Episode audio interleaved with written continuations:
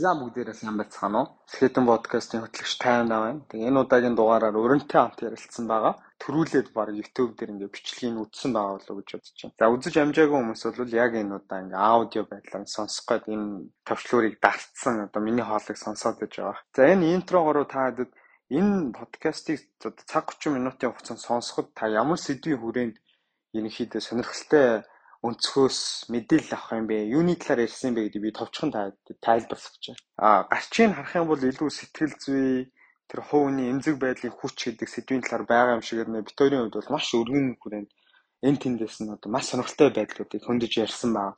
Тэгэхээр даан ганц одоо сэтгэл зүйн асуудлын талаар битүүрийн подкастаар бол бүтэн цаг 30 минут ярьсан гэсэн үг биш. Тэгээ ерөнхийдөө өрн бол өөр залуу артист, хөгжмийн продюсер тийм учраас анх энэ хөгжим хийх болсон шалтгаанаас нь эхлүүлээд YouTube дээр өөрийн гэсэн влогуудыг хийдэг. Тэгэхээр одоо контент сонирхдаг залуучууд гэх юм бол өөрийн гэсэн контентийг хийх гэж байгаа бол өрнгийн одоо анх одоо контент хийх болсон шалтгаан юунаас мотивац авсан гэх мэтлэн. Тэгээ өрнгийн бас амьдралыг харах үндсэг те стресстэй бухимдалтай одоо энэ улам бүр төвхтэй болж штэ манай ертөнц чинь ийм төвхтэй болж байгаа нийгэмд хэрхэн яаж өөрийгөө тайван ад жаргалтай байлгах вэ гих мэтлэн гих мэтчлэн маш хөнгөн сэдвийн хүрээнд битвэр хамтдаа ярилцсан байгаа. Тэгээ нэг талаас нь сонсох юм бол баг ойрд би ингэж тайван тухтай одоо хизээ хизээний таньдаг хүнтэй ингэ зэрэгцэж одоо сууж байгаа нүд нүдээ шилтэлцэж байгаа ингэ ярьсан юм дулаан яриаг бол өрнүүлж яваагүй. Тэгээ өндөө анх удаа битэр уулзаал микрофоноо асаагаал шууд битсэн.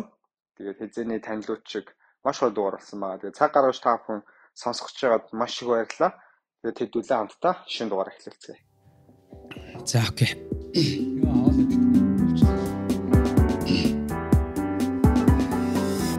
Нэг нэг нэг. Нэг хоёр, нэг хоёр. За окей.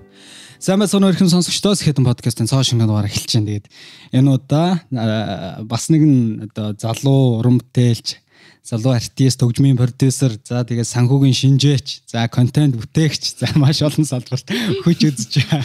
За сүүлийн үед өөрийнх нь гаргасан дуунаар 100 мянга гаруй сонсолт авсан маань тэгээд одоо өрөнгө орж урьж оролцуулаад байна. Тэгээд бид бүхний урилгыг хүлээж авч манай студид хүрэлцэн ирсэнд баярлалаа.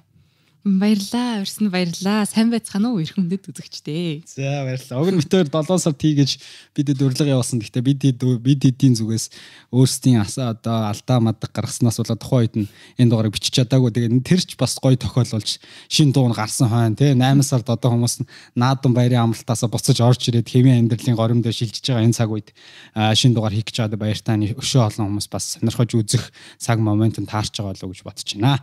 За тэгээ асуултаа шууд Би нэг инстаграмаар 2 хоногийн өмнө нэг асуулт асуусан. Тэрэндээ хариулт аваагүй. Тийм учраас тэр асуултаас шууд эхлэх гэж бодож байна. Аа инстаграм дээр нэг юм яваад байгаа штэ нэг түүл хүмүүс өөрсдийн гэсэн нөгөө дангаш нартайгаа өөрийн суугаана гэдэг ингээд чаталдаг тий.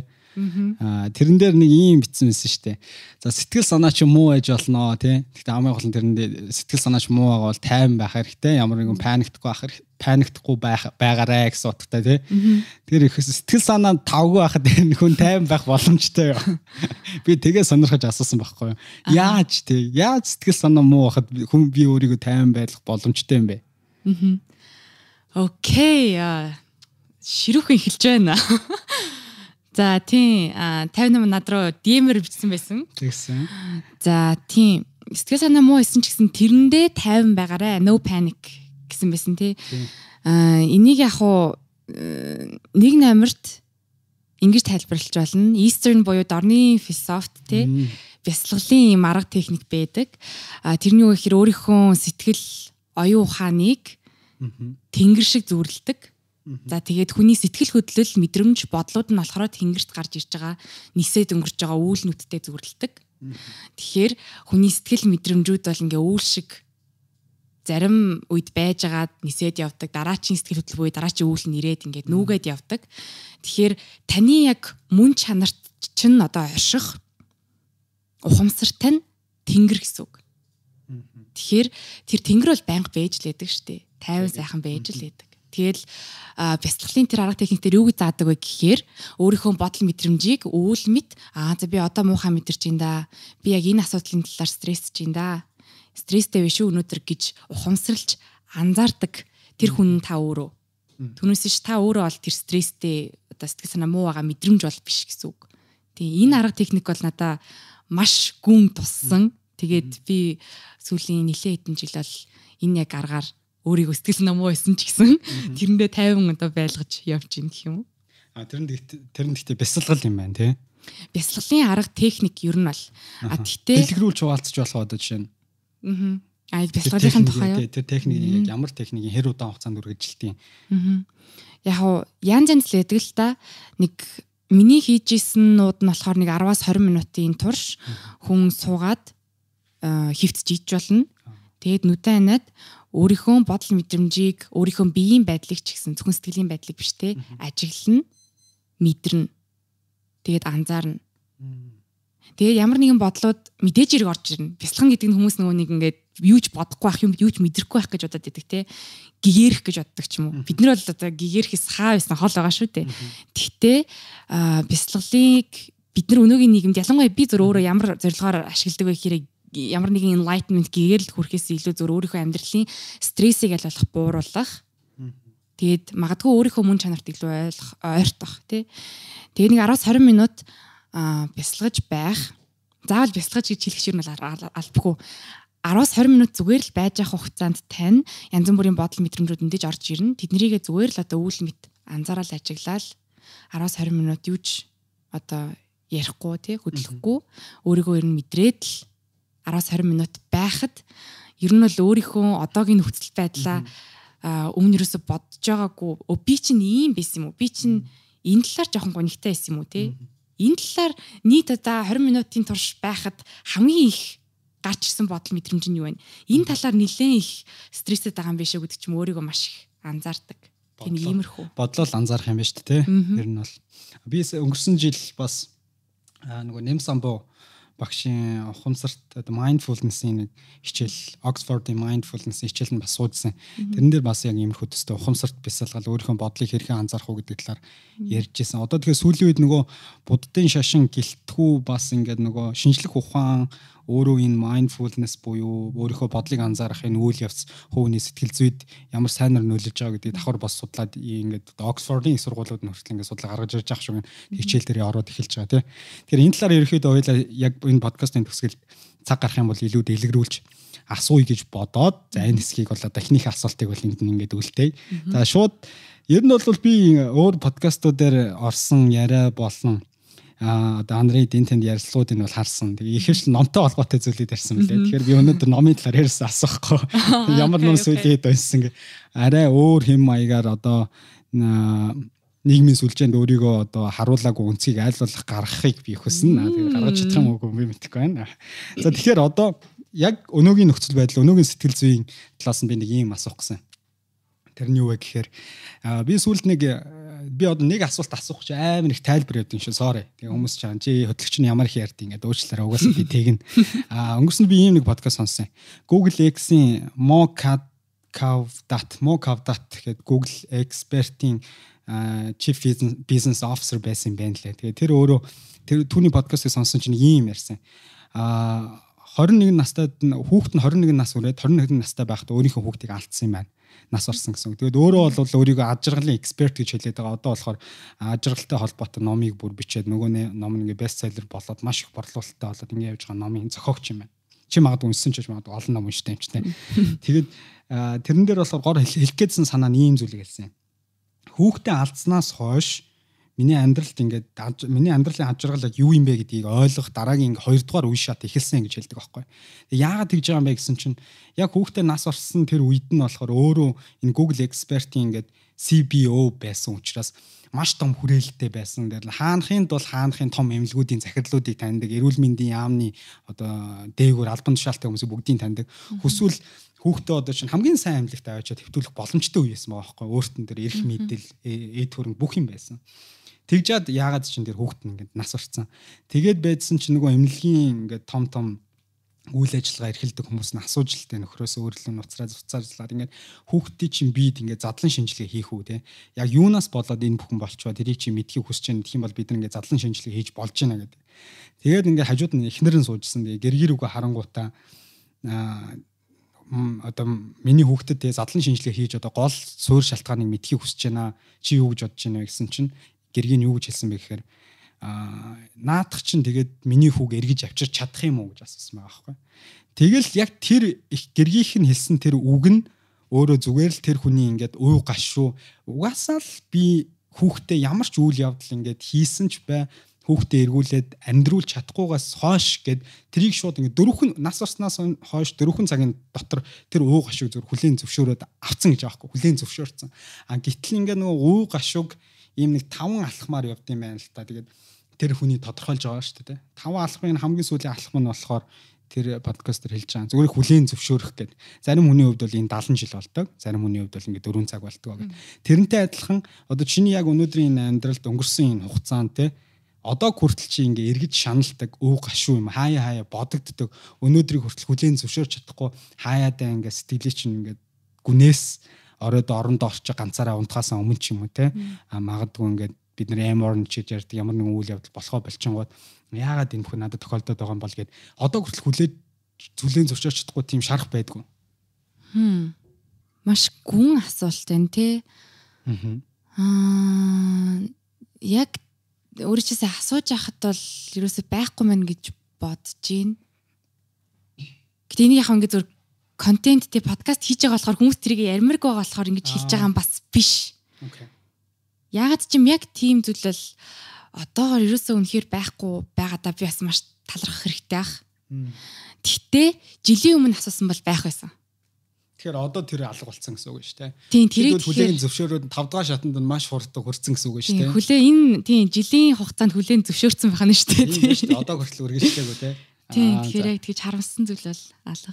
Окей. Яагаад би энийг асуусан юм бэхээр одоо сүүлийн үед одоо чиний зүгээр залуу хүний байр суурийг сонсох гэдэг. Сүүлийн үед залуучууд ингээд ямар нэгэн үйл явд одоо энэ сэтгэл зүйн талаар ном, сэтгэл зүйн талаар одоо ингээд контентууд хүмүүст нэлээд хурж эхэлж байна л та. Тэгээ нийгэм өөрөө улам бүр төвхтэй бидний энэ амьдарч байгаа ертөнц ертөнц амар төвхтэй болж штэ нэг бол. Тэгэхээр ингээд сэтгэл сэтгэл зүйн асуудлууд амар их болж байгаа. Тэрийг яг хүлээн зөвшөөрч болж байгаа. Гэтэ би ингэж хэлж байгаа нь миний бас амар муухай чиж магадгүй. Гэхдээ хүмүүс нэг үйл явдал болонгууд л а энэ миний драма Ингээд амар тэрийг заавал ингээд өөрөө тэр трама гэдэг үгийнхээ утгыг ч ойлгоогүй байж оншлох гээд байна л да. Аа би сэтгэлийн готролд орцсон байгаа чи битгий намаа ингээд зовоогоод байна. Гэхдээ энэ аав ээж маань бага хахад наттай ингээд харьцаараа би ингээд трамад орсон. Ямар нэгэн асуудал тулгарнгууд л тэр асуудлын гол цөмн нь ерөөсөө ингэж чинь бусдаас айж штэ. Байж болно тийм үү? Баг насанд ямар нэгэн гаднаас хүмүүжлийн доголдол үүсэн байж болно. Гэхдээ гол тэр асуудлын эзэн нь бол шийдэх асуудал нь бол эзэн нь бол тэр хүн өөрөө л байх л та. Гэтээ чи юу гэж боддог одоо нийгмийн хэв хандлага ерөөсөө л тийм болчиход шүү байна трама трамад байна ингээд байна. Ер нь сэтгэл готрал гэдэг юм нь боддоор яаж хүн дээр мэдрэгдтiin чиний залуу хүний байрсан аа саяныхтай бол би санал нийлж байна. Юутай вэ гэхээр өнөөдөр залуу хүмүүс сэтгэл зүүн байдлаа өөртөө онцлох гээд идэг. За тэгэнгүүт depression сэтгэл готрол гэдэг нь а яг miracle тий ангаах ухаан талаасаа ч тэр сэтгэл судлал талаасаа ч тэр илүү хүнд яг эмгэг тий өвчин гэдэг талаас нь бас судалсан оншилсан юм зүйл байгаа. А тэгэхээр өөрийгөө нэг тий маш хүчтэй, гонигтай сэтгэл хөдлөл мэдэрснийг бас depression, сэтгэл готрол гэж нэрлэх гээд байдаг. Би юу гэж боддог гэхээр сүүлийн үед бол тийм бас гайгүй тий том болоод гэдэг юм уу гайгүй болоод байна. Өсвөр наснд байхад бол би ч гэсэн тэгдэг л байсан. Тэгэхээр тэрийг ингээл зарлал хэлээд байхгүй л тий өөр өөртөө бодно шүү дээ. Би яг сэтгэл готролтой юм болов юм шиг байна байна гэл тий. А тэгтээ өөрийгөө яг түрүүний миний одоо тэр нөгөө broadcast channel-д бичсэнтэй айгу холбогдож байгаа байхгүй. Сэтгэл э, сэтгэл санаа муу байсан ч тэрэндээ тайван байгаараа гэдэг нь бас юу гэлэхэд нэхэр сэтгэл санаа муу байгаадаа дахиад oh no үгүй миний сэтгэл санаа муу байж штэ гэд тэрэндээ дахиад давхар стресстэд би чин depressionтэй юм байж штэ гэд тэрэндээ дахиад нэмж гутраад ер нь бол ингээд бүр илүү лавшарсан юм асуудал өөрийнхөө толгой дотор сэтгэл доторор ингээд зохиомлоор үүсгэж юм болов гэж анзаарсан. Би бол өөр төрөө тэнд бол анзаарчихсан. Тэгээд сэтгэл хөдлөлүүд бол ингээ байдаг зүйлс ирдэг, явдаг, өөрчлөгддөг дандаа. Гэдгийг ухаарснаас хойш заавал тийж нөө бясалгалын техник хийхгүйгээр зүгээр л ерөнхийдөө амьдрал тохиолдож байгаа янз бүрийн үйл явдал дээр иймэрхүү одоо ерөнхий байр суурьтай тий үзэл бодолтой хандлагатай байснаар ер нь бол арай нэг окей өнөөдөр it's a bad day жоохон таарах өдрөө муухай мэдэрч байна. Маргааш гайг болохох. Маргааш муухайсэн ч гэсэн за өнөөдөр бас жоохон тиймэрхүү байлаа. Гэл ингээл нэг 5 хоногийн дараа ч юм уу мэдээж амьдрал юм чинь ингээд өсөж унаад ингээ янз бүр болдог. Тэгээ би бол тэгэж өөрийгөө онцлог тал дээр бол бас яг үндэ маш сэрэмжтэй, шүүмжлэлтэй ер нь бол ханддаг өөрийнхөө зүгээс. Хэрвээ тийм нөхцөл байдал одоо удаан үргэлжлээд байх юм бол энэ дээр очих хэрэгтэй. Жишээ нь ингээд тэр нөхцөл байдал чинь ингээд давтагдаад байна шүү дээ. Ингээл жишээ нь одоо мэрэгжлийн хүмүүс нэг клиник клиникийн сэтгэл готрал гэж хэлээд байдаг. Баян ингээд сэтгэл санаа таагүй байх. Тэгэхээр нөгөө амьдралын идэх хүртэл байхгүй бол зүгээр өнөөдөр зүгээр юу ч юмээргүй унтаад л аймаар санагдал ингээд тэр нэгээ давтагдаад байвал яах ёстой юм бэ залуучууд одоо ингээд амар заалан залуучууд сонсож байгаа хэл та. Аа би одоо яг бас нарийн тэр клиникл талаас нь мэдэхгүй. Тэгэхээр тодорхой хугацаа өнгөрөөд те энэ мэдрэмж маань арилахгүй бол сэтгэл зүйчэд аа за psychiatrist-тэй эмчэд хандах ёстой гэсэн тийм заалтаас байдаг л ах. Тэ? Аа би тэгтээ бас миний хувь хүний үнцэг юу ихэр за яг энэ талаар ер нь би нэг ярьж байгаагүй юм байна л та гэж. Аа ер нь бол сэтгэл зүүн байдал асуудал эсвэл асуудалгүй байдал тэр чигтээ асуудал. Окей тэр чигтээ м яа тийм ангаах ухаан талаасаа тий им уулгах имчилгээ хийлгэх гэдэг талаасаа биш зөв хүний оюун бодол сэтгэл зүйн өөрийнх нь байдал өөрөө өөрийнхөө бодлыг мэдрэмжийг яаж удирдах байгаа тэрэндээ өөрөө ямар хариу үйлдэл үзүүлж байгаа тэрнээс ер нь бол бүрэн за бүрэн ч хайшин тий а ер нь бол маш том одоо хамааралтай гэж би бол боддог. Өөрөөр хэлбэл зүгээр им өгөөд хүний тэрийг имчилгээс илүү а одоо гэдэг хайр дутагдсан байл тий хайр үзүүлэх ганцаарцсан байл ярилцах. А үнэхээр жинхнээсээ тий маш том эмгэг сэтгэл зүйн эмгэг трама тохиолдсон хүн байвал одоо safe буюу өөртөө тухтай аюулгүй хамт байгаа мэдрэмжийг төрүүлэх найзуудтайгаа байх эсвэл одоо юу чимэргүй санагдаж байгаа юм бол ингээ баг багаар юм хийх сэдлийг нь төрүүлэх өөрөө өөртөө өөрийнхөө дотроос төрүүлэх ч гэдэм үү те. Энэ л хүний ингээд дотоод ертөнцийнх өөрийнх нь юм үйл явц гэж би боддог аахгүй юу? А тэгтээ мэдээч хэрэг клиникл яг ангаахын төвшөнд хэрвээ эмгэг болцсон өвчин болцсон бол одоо сэтгэл зүйчдэл хандах хэрэгтэй байх. А гэтээ тэрнээс урдчлан сэргийлэх арга зам бол би яг тийм өөрийнхөө амьдралын хэм маяг харилцаа бодол энэ бүгдээс ер нь бол үүсдэг гэж боддог. Амьдралын амьдралын хэм маягаас ахна шүү дээ. Тэгээд аз жаргал за энэ яриаг сонсч би одоо жоохон 50 яриа. Амар хорттой хатсан өөрөө амар 50 хариулсан чи өө би бүр ингэ 50 шатаас 50 их юм маяг руу орж гэлж. Орж ирэнгүүтэл ар араас нь ингээл жоохон 50 явахгүй л арай хорттой авчлаа за. Тэгээд за амьдралын хэм маяг гэж чинь окей би тэрнтэй бол санал нэгдэж байна. Тэгэхээр хүн аз жаргалтай байна гэдэг бол хов нэ өөрийнх нь сонголт байж болох уу би одоо яг нэг юм хүүхдийн философи ном орчуулж байгаа. Аа за. Наадхан дээр чи яг ингээ гарч байгаа байхгүй юу? Existentialism. За орс юм уу монголоор existentialism гэдэг байгаа тий.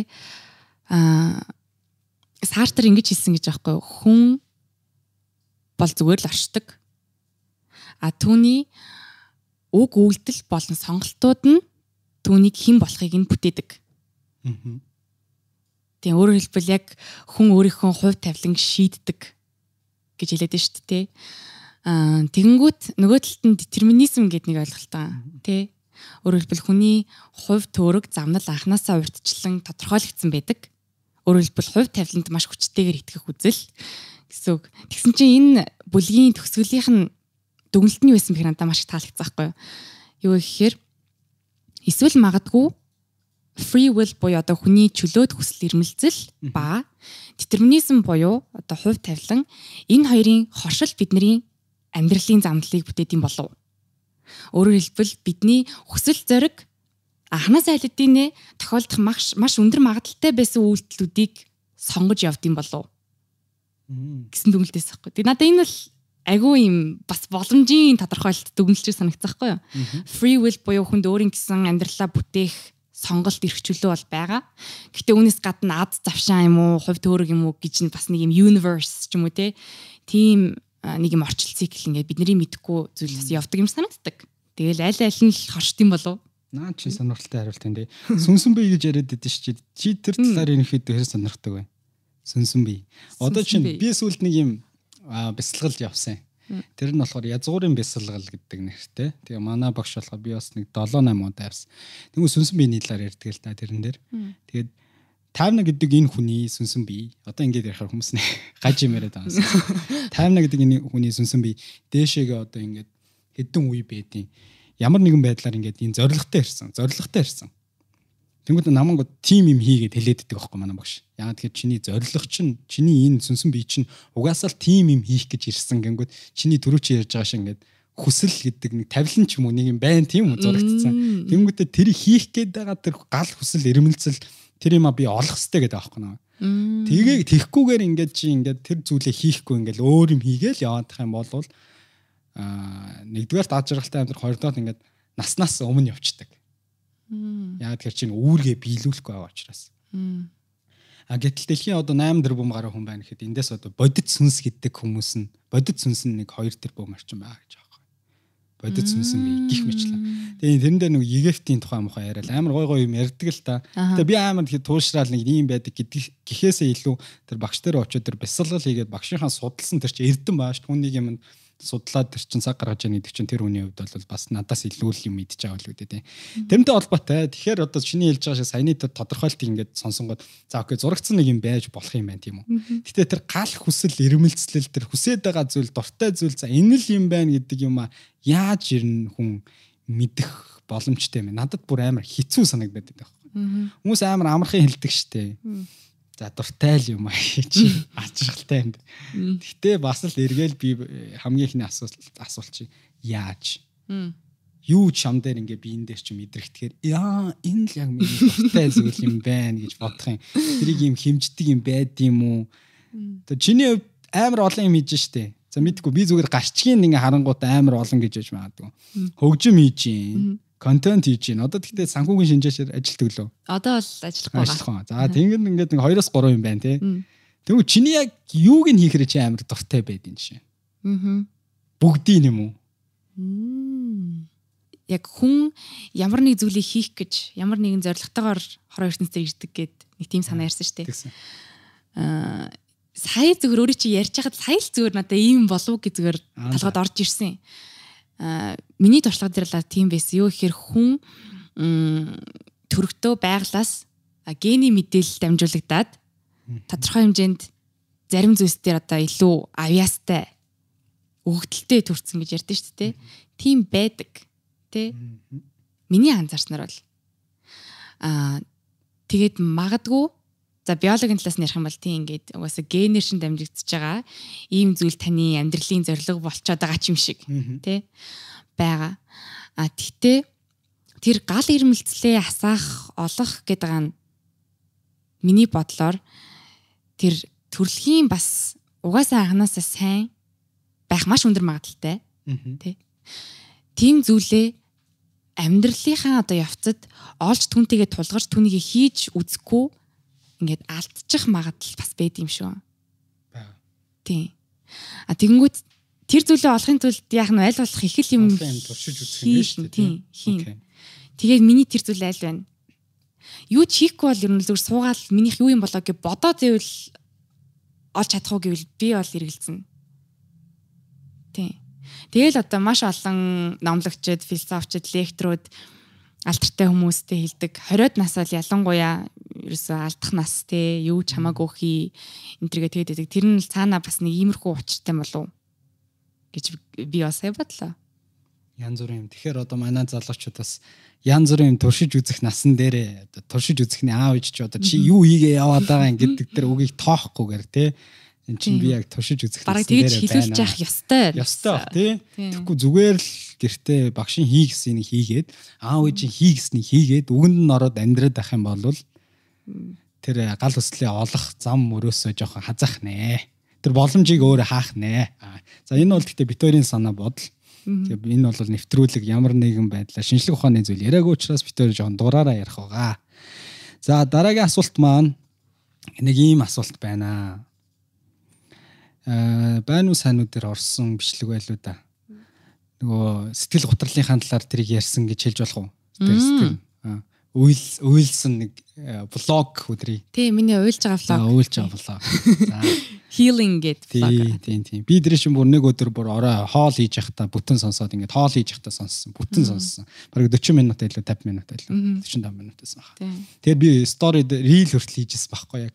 Аа за яг энэ охины ярьж байгаа энэ зүйлтэй бол би амар санал нэгж чинь нэг минутын хэсгийг ингээд тастаад ингээд оруулжсэн санагдаад. Аа за. Одоо тэгтээ эргээд ингээд харахад яа тэрийг ингээд олон нийтэд цацна гэдэг чинь ер нь бол амар нөгөө энэ Брене Брауны м, эмзэг байдлын хүч гэдэг YouTube дээр хамгийн олон одоо сонсолттой нэгтгэл өгдөн шүү дээ TEDx дээр. Аа за. тий эмзэг байдлын хүч гэдэг нэртэй тэрнтэй ерөнхийдөө төстэй.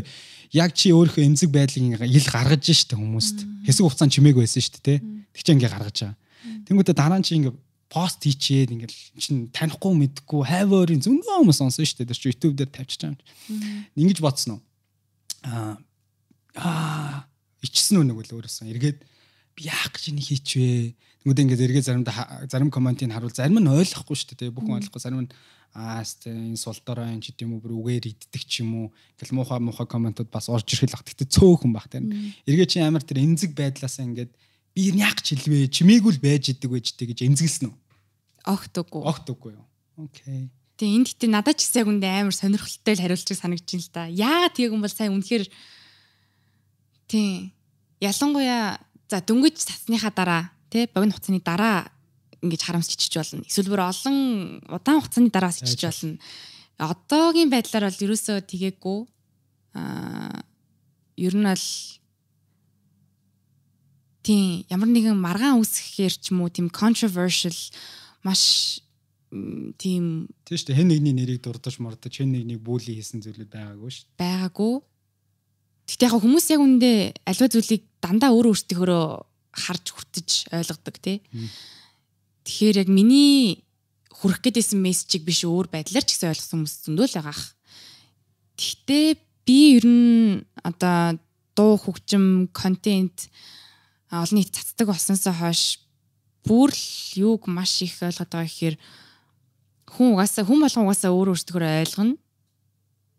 Тэгээ ойлгохгүй нь ойлгохгүй. Гэтэ хамгийн гол зүйл нь юу гэхээр би өөрийнхөө бүтээсэн, нийтлсэн зүйлийн талаар яг хэрхэн мэдэрч байна вэ? Тэгээ би тэр постлсан влогонд бол би яг л зөв өөрийнхөө үнэн бод туршлагыг хуваалцсан. Би өөрийнхөө үнэн замыг туулсан. Тэгээ туулж байгаа туулалтаа хүмүүстэй хуваалцсан. Тэгээ ойлгосон хит маань маш гой хүлээж авсан, хантай юм шиг мэдэрсэн, ойлгогдсон гэж мэдэрсэн. А ойлгоогүй магадгүй дэж ойлгохгүй хүмүүс нь бол намайг үгээр доромжилт гэсэн үү. А энэ сэтгцийн асуудалтай юм бэлээ энэ төр гэл бас янз бүрээр бол хийлэн дээ. Гэтэ тэр хүн тэгж бодгол бас эрэхтэй шүү дээ. Яг үндэ. Гэтэ би бол өөрийнхөө үнэнг мэдж байгаа, мэдэрч байгаа, өөрийнхөө үннээр амьдарч байгаа. Тэгэхээр тэгэл харамсал ичих юм бол одоогондоо төрөөг байна. А, Тө тө тө гэж. тэр контентыг яг хийсний дараа ингээд сэтгэл дотор байгаа нэг том чулууч гэдэг юм уу тэрийгээ тэгвэл аваад эсэргээрээ чи өөртөө амар тайван мэдрэмжийг авсан гэсэн үг. Юм а гаргацсан. Яа тэг чи өөртөө зориулж хийсэн учраас. Тэр сайн уу байна уу дээр байсан хэдэн дагагч нартаа зориулж хийх нь нэг 20 хувь яг өөртөө зориулж хийсэн 80% нөлөөлсөн гэсэн үг. Окей. Тэгж ойлгож байна да. Тэр одоо би энэ дээр эргүүлээд ийм асуулт асуумаараа нөгөө талаас ийм өнцөг байж болохоор байгаа байхгүй. Одоо ингээд хүмүүс ерөөсөө л ингээд хэн нэгэн таймна өнөдөр амар сул дээр одоо ингээд байгаа инстаграм дээр өөрийг нэг харуулж байгаа ертөнц байгаа ш таймна байгаа шүү дээ. Бодит амьдрал дээр бол бас би нэг хувийн амьдрал харуулах юм чи бодит амьдрал дээр арай өөр таймна байгаа тийм үү. Тэнгүүд хүмүүс таймна ингээд нэг өдөр амар сул дорой би чи ийм штэ гэл нэг юм оруулчих гэж бодъё. Би чи ийм шүү дээ гэд амар үннээ хэл гаргаад.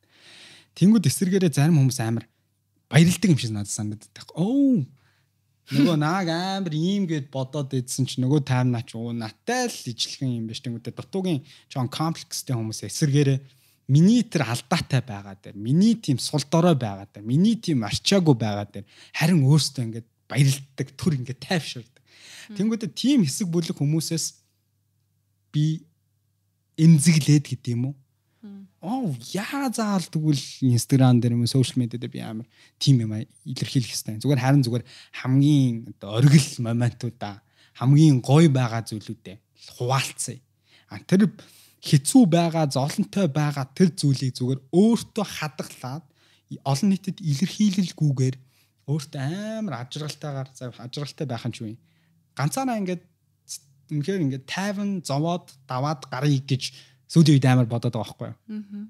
Тэгэхээр энэ нь өөрөө юу руу хүргэх боломжтой юм шиг чамд сонсогдож байна. Одоо илэрхийлэхгүй байгаад байна гэсэн үг шүү нэг л сайхан дүрийг ингээл харуулад яа тэр хүмүүс угаасаа мууг харуулад хүмүүс баярлахаас хойш яагаа заавал би тэгж бийцсэн сул дорой шүү та нартай адилхан гэж амар драма үсгэх хэрэгтэй ингэж бодогдоод байгаа байхгүй.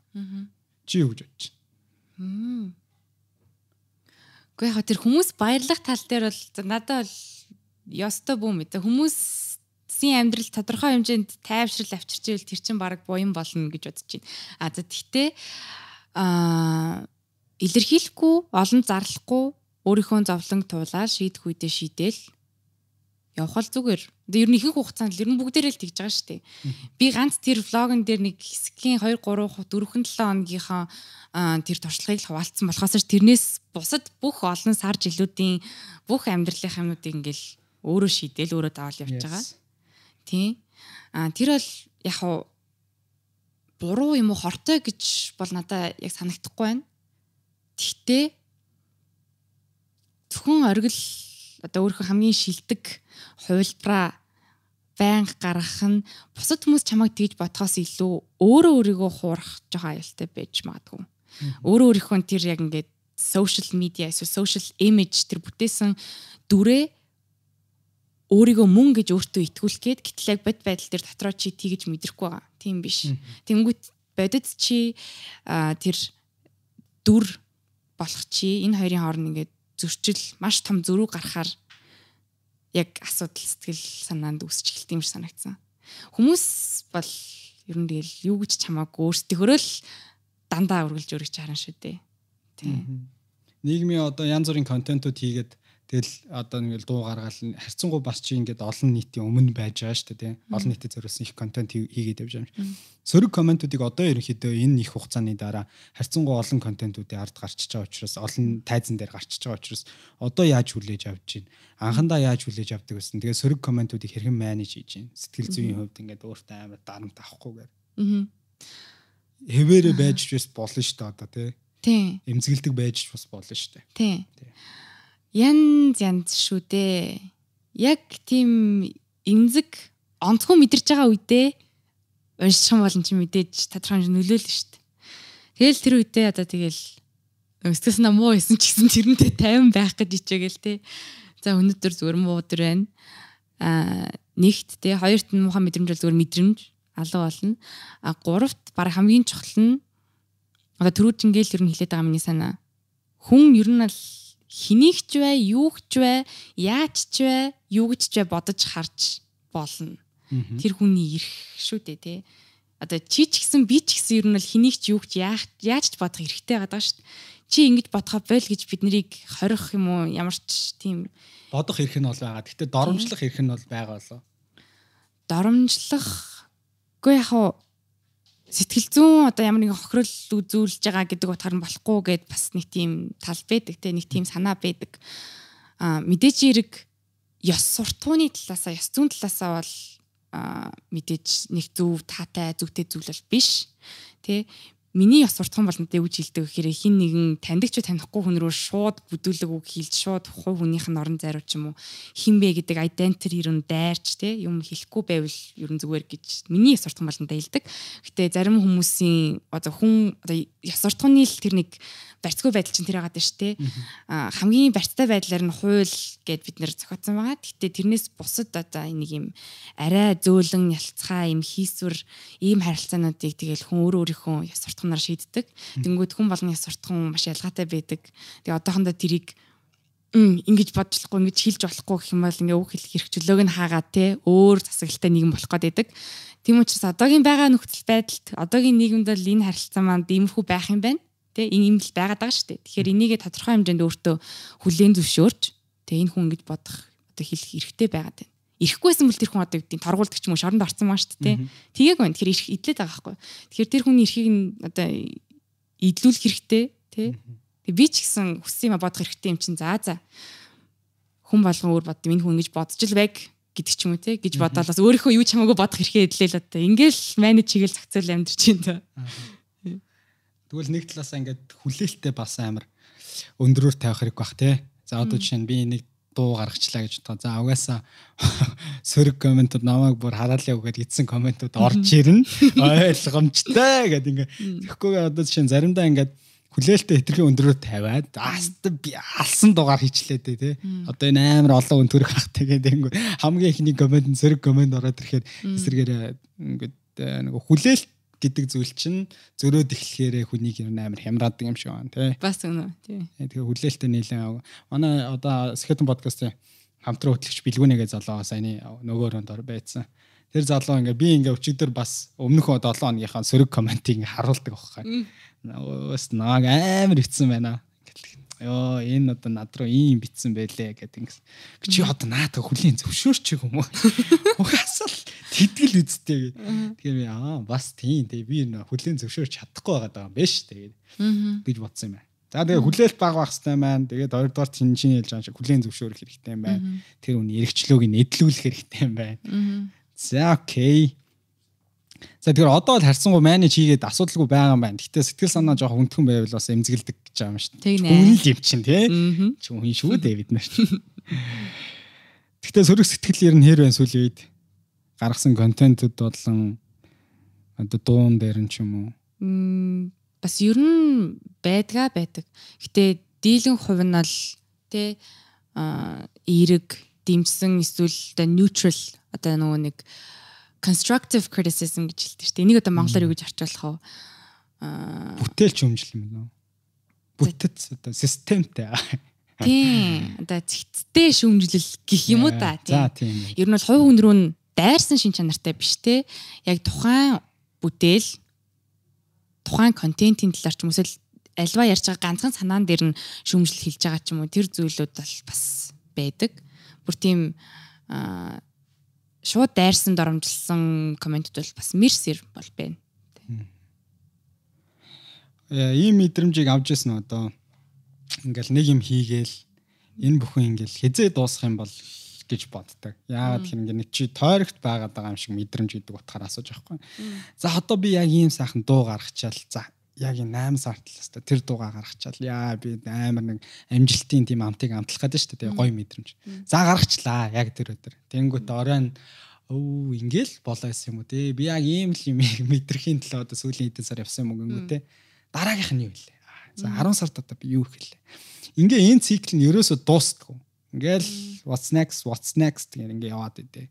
Тэгсэн мөртлөө амар ад жаргалтай яг хүрээл би амар гажралтай болно доо гэж бодож байгаа тэр мэдрэмж юу ч авахгүй байгаа даа байхгүй. Тэгээ энэ тойрогч чи байж үзсэн үү? Тэгээ энэ бүхэн хизээ дуусах юм бол гэж бодогддгүү. За энэ бүхэн хизээ дуусах юм бол гэж бол арай боддгоо. За. Uh, that was a little dark. Гэтэ юу хэлэх гээд байгааг ч бол айгуу сайн ойлгож байна. Аа тийм мэдрэмжүүд бол тийм байсан. Бас мэрсэр байна. Тэгээ тэгэж мэдрэхтэй тэр мэдрэмжээ анзаарна шүү дээ Тэнгүүтээ тэр мэдрэмж надад юу хэлдэг вэ гэхээр амьдрал яг энэний тухай бол биш юм байна. Энэний төлөө биш л исэн юм байна гэдгийг л дахиж сануулдаг тий. Хүн болго ингээл тодорхой хэмжээнд за нэг сарын дараа 3 сарын дараа 5 сарын дараа гэл ингээд зорилгууд бодит concrete тий. ам бит магадгүй хэмжиж болох уу амжилт амжилтын одоо эм цэгүүдтэй зорилго тавьсан байдаг. Тэд нартай хүрх болгондоо хангалттай тэрийгэ таашааж амжихгүй дараач хэрэг ингээл яардаг. Гэтэ тэр бол мэдээж сайхан ч гэсэн тэрний тэрний хоорондох процесс үйл явц нь бас айгүй чухал гэдгийг бол хэлдэг. Аа тэр нь гэтээ бас одоо юу гэдэг амьдрал зөвхөн it's about the process тий зөвхөн үр дүнгийн талаар гэсэн үг. Зөвхөн зөвхөн үр дүнгийн төлөө биш зөвхөн process-ийн талаар гэсэн үг бас биш. Ингээл аль аль нь бас л тий аль аль нь чухал мэдээж хүн ингээд тодорхой амжилтууд төрөх ёстой тэдний хандлага хөдөлмөрлөх ёстой Гэхдээ тэр замдаа бас ингэж гоё амьдрах хэрэгтэй, таашаах хэрэгтэй, тайвшрах хэрэгтэй. заримдаа тайван биш ч байх хэрэгтэй тий. Тэгээ энэ бүгд чинь нийлээл амьдрал болж байгаа. Түүнээс биш тийм яалтчгүй бусад бүх зүйлээ ингээ блок аут хийгээд бүх зүйлээ мартаа зөвхөн яг энэ зорилгын төлөө гээд явхаар яалтчгүй бүр заримдаа маш олон сар жил ч өнгөрцөн байдаг шин. Тэгэл юу юу лээ юу болчихоо те. Ерсэн нэг юм л хөөцөлтөө лээсэн те. Тэрийг яг үндэ ингээд яхаа хийцэн байдаг. Гэтэ яагаад ийм амир тэрийг ингээд мэдэрч амталж амжихгүй өнгөрөөч гих бас үе байдаг шүү дээ. Тэгэхээр ингээл аль альных нь ач холбогдлыг маш ингээд зөөлөн тайвнаар ингэж жинэлж те аль альнийг нь мэдэрч аль алинд нь анхаарал хандуулж явахгүй бол бас ингээд баланс алдагдчих гад идэг. Тийм эргээл нэг балансын асуудал байна тий. Процесс болов. I'm I'm big on balance гэж юу. Э баланс ямар нэг юм балансыг барина гэдэг чинь амар хэцүү асуудал. Дараагийн бас нэг том хэцүү асуудал л да. Чи ер нь хэр амбицтэй вэ? Амбиц л бас байгаа шүү дээ. Амбиц байгаа. Окей. Би сая амбицтай холбоотой асуулт яагаад яагаад амбицтай вэ гэж асуусан гэхээр нэг ийм амбицтай холбоотой сайн амбиц муу амбиц за мэдгүй сайн мууг нь би яасан мэдгүй. Амбиц өөрөө ингээд хүнийг бас буруу тийш нь чиглүүлэх хандлага байдаг юм шиг байгаа. Тэгэхээр аль нь яг зөв амбиц намайг зөв тийш нь чиглүүлж байгаа вэ гэдгийг ядаж жишээ нь яаж хүн мэдэрч ойлгож явах вэ гэдэг асуултыг асуух гэдэг. Жишээ нь баг байхдаа одоо жишээ нь ангийнх нь хүүхдүүд нь аа аав ээж нь ангийнх нь хүүхдүүдийн аав ээж нь ингээл хитрхи байн ч гэдэм үү? Нэгмэл одоо манай нэг нөхрийн амьдрал нь хитрхи тааруулч гэдэм үү? Ингээд ямар нэгэн багт нь ингээд нэг дутуугийн мэдрэмжээсээ болоод нөгөө чи том болохдоо тэр дутуугийн мэдрэмжэнд хөтлөгдөж амбиц нь гараад за би ийм л мөнгөтэй болно. Би нөгөө багтаа амар их мөнгөтэй өсөөгөө болохоор би одоо жишээ нь тийм л их мөнгөний эзэн болно гэж боддог юм а тий. Манай тийм гоё машин учраас одоо би тийм л машинтай болно. Гэтэл яг үнэндээ хувь хүн гэдэг чинь тэр хүн шүү дээ тий. Чиний хэлж байгаа шүү ген гэдэг шиг аа нөгөө яг хувь тавилан нөгөө хүсэл арай өөр зүйлийг хүсэж иж болно шүү дээ. Гэтэл тэр багын тэр дутуугийн комплекс, дутуугийн мэдрэмж нь буруу тийш тэр хүнийг хөтлүүлчих магадaltaй байгаа байхгүй. Тийм буруу амбицтай хүмүүс харагдаад байдаг байхгүй зах зээл дээр.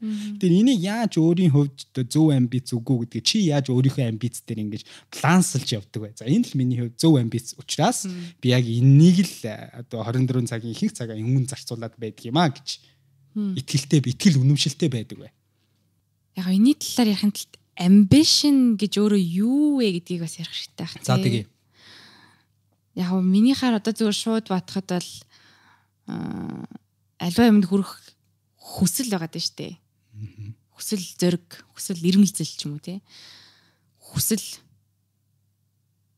А тэгэнгүүт тэр зүйлийг яагаад хүсэж байгаа вэ гэдгээл маш сайн тодорхойлох, ойлгох, ухаж шинжлэх хэрэгтэй байх. Сая өөр чи хэлснээр яг Тийм. Одоо үзэж байгаа хүмүүс хэрэг өөрийнхөө амбицийг те тэгж үзмээр э, шинжилж үзмээр байгаа бол одоо тодорхой хэмжээнд үүдийн нэг э, за whatever нэг бизнес эхлүүлэх амбицтай хүн байгаа гэж бодъё те хүсэлтэй. Тэнгүүт яагаад би нэг хүсэж байгаа вэ гэж асууж үзэнгүүт магадгүй яг өөр чинь сая хэлснээр манайх одоо те бас э, тодорхой хэмжээнд ер нь бол нэлээд боломжгүй айл байсан байгаа хахад тийм учраас одоо ингэх гээд байгаа юм уу эсвэл үнэхээр яг босгож байгаа бизнесийнхаа үн цэнд нь утга учирт нь чин сэтгэлээсээ итгэдэг тэрэндээ хайртай дуртай пашн буюу гал ирмэлцэлтэй юм уу? гэж асууж үзэх хэрэгтэй болов. Би бол яг түрүү бас хэлсэн те яг зөвхөн тэрүүгээр биш. Гэхдээ тодорхой хэмжээнд бас гений чинь мэдээлэл те яг юунд өөрөө авиастай амжилтанд хүрэх магадaltaй байна гэдгийг ер нь л өөрийнхөө сонголтоор нөө free will буюу чөлөөт хүсэл эрмэлзлээрээ биш цаанаас нь ингээд байгаль дэлхий ингээд шийдэд өгсөн байгаа тодорхой хэмжээнд зарим шин чанаруудыг танд өгөөд төрөлхийн. Тэгээд тэрэн дээрээ нэмээд яг жигнэсээ та юу юуг таашааж enjoy хийж хийж байна. Тэгээд тухайн гол нь хийж байгаа зүйлдээ бүтээлдээ ажилдаа маш гүн утга учирыг мэдэрдэг үү гэдэг гэдэг л ер нь асуултан дээр бараг нь буух бах. Тэгээ утга учир гэдэг бол хүн болгонд бас л ялгаатай. Тэ бас их хүн асуулт асуудал байгаа. Аа гэтээ надаа бас нэг айгуу таалагддаг утга учирын талаар нэг тийм ишлэлүүд гэх юм уу те санаанууд юу гэдэг вэ гэхээр аа Роберт илүү за би яг нэрийг нь бууруулж магадгүй Сапolsky гэдэг ийм миний санджаар биологч юм баха. Хуслын биологч лөө. Тэгээ энэ хүн одоо юу гэж хэлж исэн бэ гэхээр яг яг утга учирын талаар биш хайрын талаар байсан байж магадгүй буруу санжиж магадгүй. Гэхдээ хүнийг одоо хайрлан гэдэг нь тухайн хүний өвдөлтийг аль болох багасгах явдал юм аа.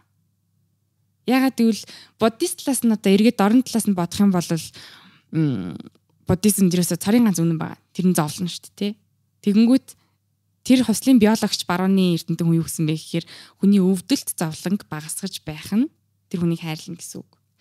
Тэгэхээр энийг зөвхөн яг ганцхан хүн дээр бодохгүй тий нийгэмдээ хувь нэмрээ оруулж байна гэдэг чинь нийгмийнхаа бусад гişүүд хүмүүсийг хайрлаж гин гэсэн үг тий. Тхийн тулд тэр хүмүүсийнхаа бас өвдөлтөөс зовлонгоос стрессээс баг зэрэг багасгах гэдэг ч юм уу тий. Тэгмэд би энийг зөв өөрөө бас энэ бол амьдралын утга учир байхад айгүй гоё санаа байна гэж би бодсохгүй. Бусад хүний бас өөрийнхөө ч тэр ер нь бол энэ дэлхийд ирэх зовлон шаналлыг аль болох чадхаараа өөрийнхөө хэмжээнд багасгах гэж оролдох. За ийм нэг утга учирын нэг ийм санаа. За тэгэнгүүт миний бас нэг дуртай ном ярихгүй гэсэн хальт ярьчих гэж. За. Man Search for Meaning гэд Виктор Франклин байгаа. Тэ. Тэрэн дээр миний сэтгэлд үлдсэн нэг ишлээд нь юу вэ гэхээр утга учирын талаар ингэж тайлбарсан байхгүй юу? Шатрын мастер дээр, гранд мастер дээр очиод мастра шатрын тоглоомн дээр ямагт ялах нүүдэл юу вэ гэтгсэн чинь ямар ч тоглоомн дээр яллуулах байнгын нэг тим нүүдэл гэж байхгүй. Нөхцөл байдал болгонд өөр. Хинтээ тоглож байгаасаа бас хамаарна. Тэ? Тоглолт болгон өөр гэж байгаатай адилхан утга учир нь ч гэсэн хүн болгон дээр өөр хүний амьдралын нөхцөл байдал болгон дээр өөр байдаг гэсэн нэг тийм санаа байсан. Энэс надад айгу утга учирын талаар их дайжгүй гоё санаа шиг санагдчихсэн. Тэгэхээр асуултынх нь хариулт маань болохоор тухайн хүн өөрөө аа өөртөө үнэнчээр энэ зүйл үнэхээр миний хүсэж байгаа зүйл мөн байна уу гэдэг асуултаа эхлээд өөрөөсөө асууж чадаад тэгээ өөртөө үнэнчээр хариулах юм байна тийм үү. Гол нь Тэгэхгүй одоо жишээ нь бас өөрөөсөө урах тохиолдлууд бас байна шүү дээ. Нөгөө л гоё харагдах, нөгөө л эгогийн хөндлөнгийн одоо нөлөөлөх хүчин зүйлүүдтэй баригдаад буруу хариулчих бас болох магадaltaй. Тэгэхээр өөртөө үнэнч байна гэдэг нэг зүйл дахиад яригдах нэ энэ дээр. Харин өөрөөсөө зөв хариултыг авахын тулд те. Өөрөөсөө урах гэдэг аюу гоё юу байна уу байна. Тийм. Бол одоо бид нар чи амар өөрөөсөө уруух тохиолдол зөндөө ах шаа. Өөрөө ч анзаараагүй. Тийм. За тэгэхээр саяны хариултыг манайхаа ерөнхийдөө авсан бахаа гэж бодож байна. Гэхдээ сая бүтээлч байдлын талаар аа би яг энэ дээр ийм юм асуу гэж бодчихсон. Би Винзо захиралтай ингээ уулзаадсан чинь бүтээлч хүмүүс ер нь бүтээлч байдал гэж юу вэ гэдэг талаар ярьсан. Сүүлийн үед чинь энэ сэдвийг хүмүүс амар их ярьдаг болчиход байгаа. Бүтээлч байдал. Тэгэхээр бүтээлч байдал гэдэг бол өөрөнчсөндөө бүтээлч салбарын хүн шүү дээ. Тэ. Хөгжмийн бартуусан чи хөгжим бичин гэдэг чинь бүтээлч сэтгэлгээ амар их шаардна. Тэг манай манлайцсандаа нэг зүйл дээр санал нэг нийлдэггүй. Одоо жишээ нь ингээд урлагийнхан бол амар ингээд бүтээлч тий. Бүтээлч хүмүүс. Тэнгүүд одоо подкаст хийж байгаа бид нар заяа. Бидрийг бүтээлч биш гэдэг урлагийн хүмүүс ер нь бүтээлч гэж үздэг төрлийн юм багхгүй одоо энэ суужаа залуу. А бид нар бол үгүй ээ бид нар ч бүтээлч гэж өөрсдөө хэлдэг. Тэрнтэй адилхан нөгөө бүтээлч хүн байдал гэхээр чиний хувьд яг юу гэж боддог вэ? Яа, дээрэс нь хүн амар бүтээлч байхын тулд өөртөө үнэн ч ах хэвээр гэж Вензо захирал нэг удаа өөрийнхөө ихтгэл дээр хэлж исэн байхгүй юу? Өөртөө үнэн ч хүн бол амар бүтээлч байх эхлэл өгдөг. Тэрнтэй адилхан чиний хувьд бүтээлч байдал гэж юу вэ? Одоо чи хөгжим бичдэг бас шүлэг бичдэг юм билээ шүү дээ. Аа. Хм. Бүтээлч байдал. Үг нь өөрөө бас аягүй сонирхолтой л юм. Би яг бүтээлч байдал гэдэг ойлголтыг тусад нь авч үзэж ингэж ярьж юм бодож ерөөс үзэж байгаагүй юм байна. Which is weird. Аа бүтээлч байдал гэдэг үгийн сонсохоор зүгээр л ямар ч хамаагүй юм ер нь бүтээдэг хүний хэлэх гээд байгаа юм шиг. Аа. Сонсгоод байхгүй бүтээлч сонсцод байгаа. Гэхдээ яг яг н ойлголтыг нь англи хэл дээр юу гэж нэрлэдэг вэ гингүүд creativity тий. Тэгэхээр бас л create буюу бүтээдэг байх гэдэг. Гэхдээ энэ ойлголт нь цаана бол зүгээр л ямар ч хамаагүй бүтээдгээс илүү нэг өөр юм бид нэр ойлгоод идэг л та. Одоо чинь за unique буюу ингээд цор ганц одоо жишээ нь зөвхөн өрөнгаас л гардаг. Одоо жишээ нь ийм байж болж штэ. За чиний одоо гаргадаг дуунууд чинь болвол дахин давтагдчихгүй байж болох уу? Болно тийм үү? өөр юмнаас чи копи хийгээгүй учраас. Яа тэр чамаас дотроос гарч байгаа. Өөр юм гэсэн хэмнэл байгаа. Өрнгийн гэсэн имиж. Мм. Тэр имижийг чи алдагдуулахгүй тулд бүтээлч байдал гэдэг зүйл чиний дотроос гарч байгаа гэж бодож байна. Аа магадгүй ингээ подкаст хийгээд сууж байгаа бол энэ асуултууд дахин давтагдаж болох байхгүй юу? Би өөр юмнаас судалж байгаа давсан ч гэж болох байхгүй юу? Аа тэрнтэй адилхан чиний тэр зүйл чинь ингээ цор ганц дахин давтагдчихгүй гэдгээр тодорхойлвол бас байж болох юм лөө. Тэгвэл бүтээлч байдал чи одоо чам чам чи одоо онгод гэж бас хүмүүс яриад байдаг шүү дээ. Яа би нэг онгод орлоо. Яа одоо би нэг гой шүлэг өчмээ санагдчихлаа гэдэг ч юм. Тэгээд бодвол чи чам дээр бүтээлч байдал чи юу гэж бууж байна? Яг саяны ярьж байгаа бол бүтээлч байдал нь давтагдшгүй байдал бол заавал биш. Окей. Гэтэ давтагдшгүй бүхэн бүтээлч байж бас магадгүй. Гэхдээ бүтээлч байдал давтагдшгүй байдлын хоёр өөр ойлголт байгаа шүү. Тэгэхээр тэр нэг зүйл биш гэсэн үг гэж бодоод байгаа байхгүй юу? За хүлэн зөвшөөрье. За. Тийм. Тэнгүүд одоо жишээ нь 50 80-д ингээ асуултууд бэлдээд надаас асууж байгаа нь давтагдаж болох ч гэсэн подкаст хөтлөх гэдэг ажлыг бүтээлчэр хүн хийж болдог гэж бодож байгаа байхгүй. юу? Бүтээлч байдлаар. Бусад одоо подкастаас өөр бутас бусад хөтлөгч нараас арай өөрөөр юу гэдэг чинь түрүүнтэй ингээл асуулт асуухта тодорхой хэмжээний нэг түүх ч юм уу те өгүүлж ярьж эхлүүлдэг ч юм энэ бол бүтээлч байдлаар подкастын хөтлөгч гэдэг ажлыг хийж байгаа юм болов гэж би хараад байгаа. Тэгэхээр заавал тавтагдшгүй байдал биш байх. Гэхдээ одоо нь зүгээр л одоо баахан интернетээс эсвэл ном дээр одоо уншсан мэдээлүүдэд цуглуулад зүгээр нэг презентацийг хүртэл бүтээлчээр хийж болдог шүү дээ. Тэгэхээр тодорхой хэмжээнд өөрийнхөө уран сэтгэмжийг ашиглах юм болов ямар нэгэн зүйл бүтээж байх та.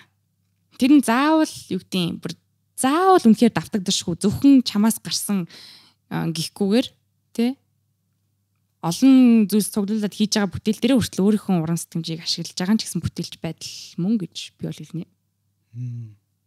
Бас байж болох хөлбөр байна тий. Тэгэхгүй цор ганц ичгэр чинь бас амар гэд нэг юм юмд ингээ хязгаарлаж байгаа шүү тий. Constraint тавиад. Ийм л хүнийг бүт цод ах- дахин давтагдчихгүй юм хийх хүнийг л бүтээлч хүн гэнэ гэхээр бас байж болохгүй юм байна. Тийм бүтээлч хүн Тэгэхээр яг хоо ийм баш таарч байгаа. Яг хоо хэрвээ саяны юуг тий оо, суур а, онол гэж хэдэл үзэх юм бол хэрвээ тийм юм бол бүтээлч хүмүүс дэлхий дээр маш олон байгаа юм байна. А харин давтагдшгүй бүтээл төрөвдөг хүмүүс маш цөөхөн байгаа байна гэж нэг тийм дүгнэлт гарч ирж байгаа байхгүй тий. Байх нь бол илүү түгээмэл а давтагдшгүй цор ганц зүйлийг сэтэж бүтээх нь бол маш хизүү, ховор, цөөн тийм. Окей. За би одоо түрүү нөгөө хамгийн ихний э, асуултынхаа ихэнх хэсэг рүү буцаад очих гэж байна. Тэрэн дээрээс үндэслээд юу гэж асуух гэж байгаа вэ гэхээр хамгийн сүүлд ерөнхийдөө өөрийгөө хизээ ингээд голсон бэ. Ингээд тэр нь юу ч хийж болно. Ингээд өөртөө ихтгэлгүй болох ч юм уу. Нэг тийм ямар үйл явдал чамд тийш нөлөөлсөн учраас чи өөрөө өөртөө ихтгэлгүй байдлыг тухайд мэдэрсэн байна. Тэгээ түүнийгээ яаж давнд болсон байна. Дээрэс нь тэр нөхцөл байдал дахиж давтагдахгүй тулд одоо чи сэтгэл зүй дээрээ юун дээр анхаардаг вэ? За гурван асуултыг нэг дараа асуучлаа. Хм. Өөрийгөө голсон. Ер нь бол м, би их сургуулаа бакалаврын зэрэгтээ төгсөөд удааг байгаа. Одоо яг жил гарan болж байна. Тэгээд төгсөөд аа төгсгөөс өмнө ч гэсэн маш олон төрлийн ажлууд хийж үзсэн. За тэгээд түрүүний миний хэлсэн те юу яг миний зүйл юм бэ биш юм бэ гэдэг ингээ олох гээд маш их зүйл хийж явах явцдаа мэдээж өөрөө чинь биш зүйлийг хийж байхдаа хүн бол нөгөө өөрөөсөө урвцсан юм шиг мэдрэмж дотроо байгаад байгаа. Гэтэ өөртөө хүлэн зөвшөөрөхгүй. Тэр үед яг хав тий өөрийгөө голсон л гэж хэлж болох юм. Тий өөрийнхөө өөрийгөө голлох те ягаад өөрийнхөө бодит үнэн байдлыг өөртөө хүлэн зөвшөөрөөд өөрийгөө байгаагаар нь хүлэн зөвшөөрч чадахгүй байгаа юм би. Тэг би чинь дайжгүй хүн штэ гэдэг ч юм уу тий уулна л тэр үед ингэж өөрийгөө голсон тийм мэдрэмжүүд үе үе байдаг байсан. За тэгээд ер нь бол удаан хугацааны дараа биеийн хувьд ч тэр сэтгэлийн хувьд ч тэр нилээ ингээд тэнцвэр эрүүл мэнд алдагдаад ер нь бол миний бие би гэдэг хүн өөртөө хилж хилж байгаа хгүй тий. Начаараа биш байна. No no no би яг би яг э, гэдэг тэднэрийг маш сайн сонсоод анзаараад нэг л биш байгаа да энэний шалтгаан нь юу вэ? Тэгэнгүүт энэний шалтгаан нь юу вэ гэд энэ нэг асуудлаа шийдэх гээд байна штэ. Энийг би яаж хийдэг вэ? Одоо ч гэсэн. Гэхдээ би маш их journal хийдэг. Тэмдэглэл хөдөлдөг тий. Тийм. Би л энийг бүр сэтгэлийн тэмдэглэл гэж монголоор орчуулдгийн. Тэр миний хувилбар. Тэгээд сэтгэл мэдрэмж бодлуудаа маш их бичнэ. Яагаад? Яагаад ингэж байна? Яавал зүгээр хөө энэ шийдэл зөв үү те? гэд ингээд маш их зүйл бичнэ. Тэгэхээр эдгээр нь заавал бүгд зөв байх албагүй. Ерөөсөө л мэдэрч байгаа бодож байгаа бүх юм бичээд. Тэгээд бичснийхаа дараа ингээд бүх зүйлээ харахаар аа за за энэ санаа угаасаа амар буруу байсан. Зүгээр ингээд өөрийгөө хуураад байгаа ингээд худлаа аргумент байсан юм гэдгийг хардаг те. Тэгвэл дараачийн зохицолбор маань аа энэ яг зөв болж эхэлж байна. Яг тэгвэл өөрийгөө үнэн бодит байдлаар нь магадгүй шүүж, зэмлэж эсвэл аргадаж эхэлж байна гэдэг ч юм. Ингээд бичих. Дадал ер нь бол надаа өөрийгөө голох тий. Өөрийгөө голох ч гэлтгүй ер нь өөр ямар нэгэн сэтгэл зүйн ер нь амьдралын асуудлуудыг давхад маш их тусалдаг одоо ч гэсэн.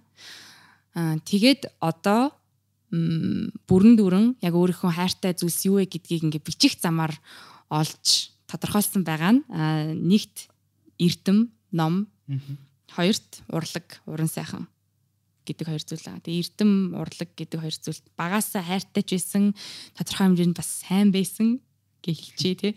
Тэгээд энэ хоёрынхаа төлөө явах хэрэгтэй мэн яагаад гэвэл үнэхээр тэр хоёр зүйлийн төлөө зовж байхдаа хүртэл маш утга учиртай зовж байгаа мэдрэмжийг авдаг гэх юм уу.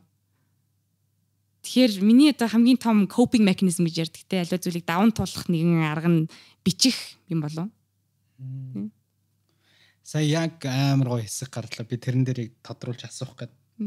Тэр нь юу гэхээр би бас ингээд тэмдэглэл алдаг оног хөтэлдэг байхгүй. Гэхдээ баг чиний хажууд бол хөтэлдгүү хөтэлдгүүдээ орох байх.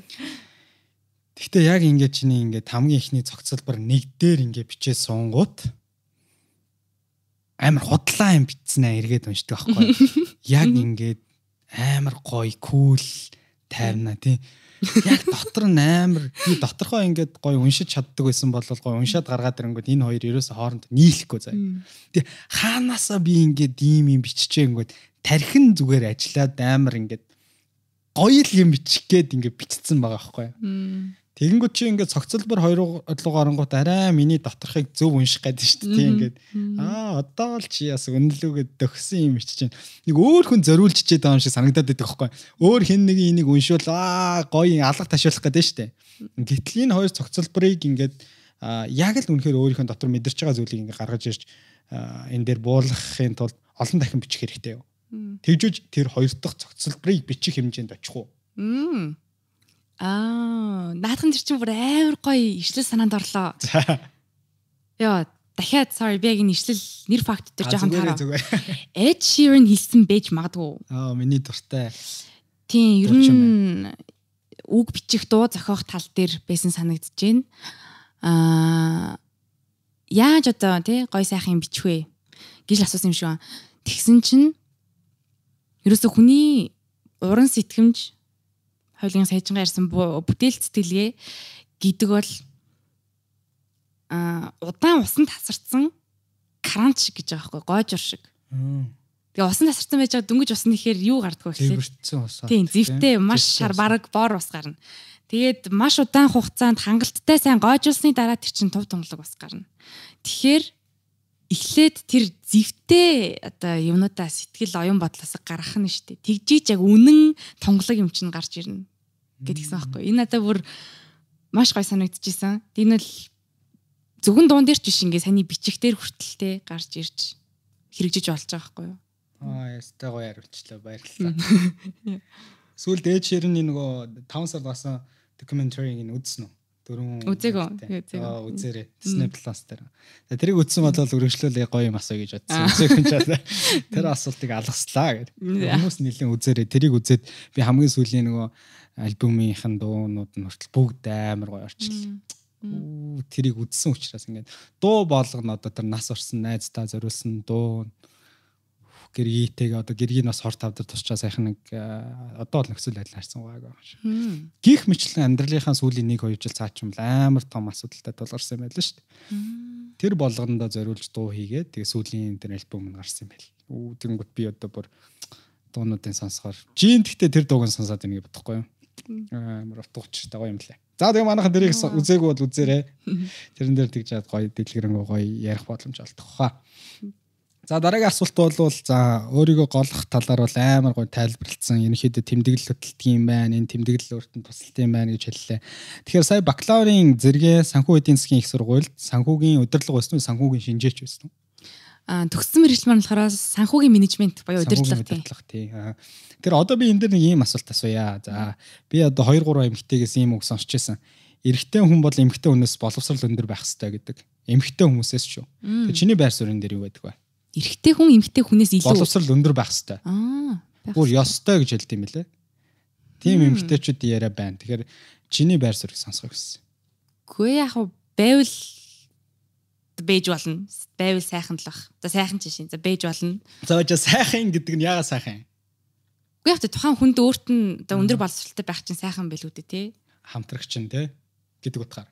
Тиймгүй хамтрагч нь биш одоо тэр хүн тэр ихтэй хүн өөрөө өндөр боловсралтай байвал тэр хүний амьдралд сайхан байх байлгүй дээ. Боловсралгүй байснаас. А чамд тий. Асуулт нь болохоор. Надаа хосын харилцаан дэр гэж уу тий. Yes.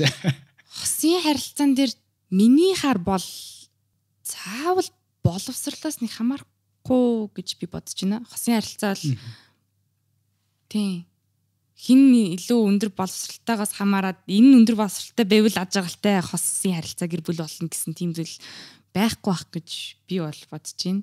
Тэрнээс илүү эн чин те амьдралын үнэт зүйлс нь таарч гин үү гэдэг ч юм уу те.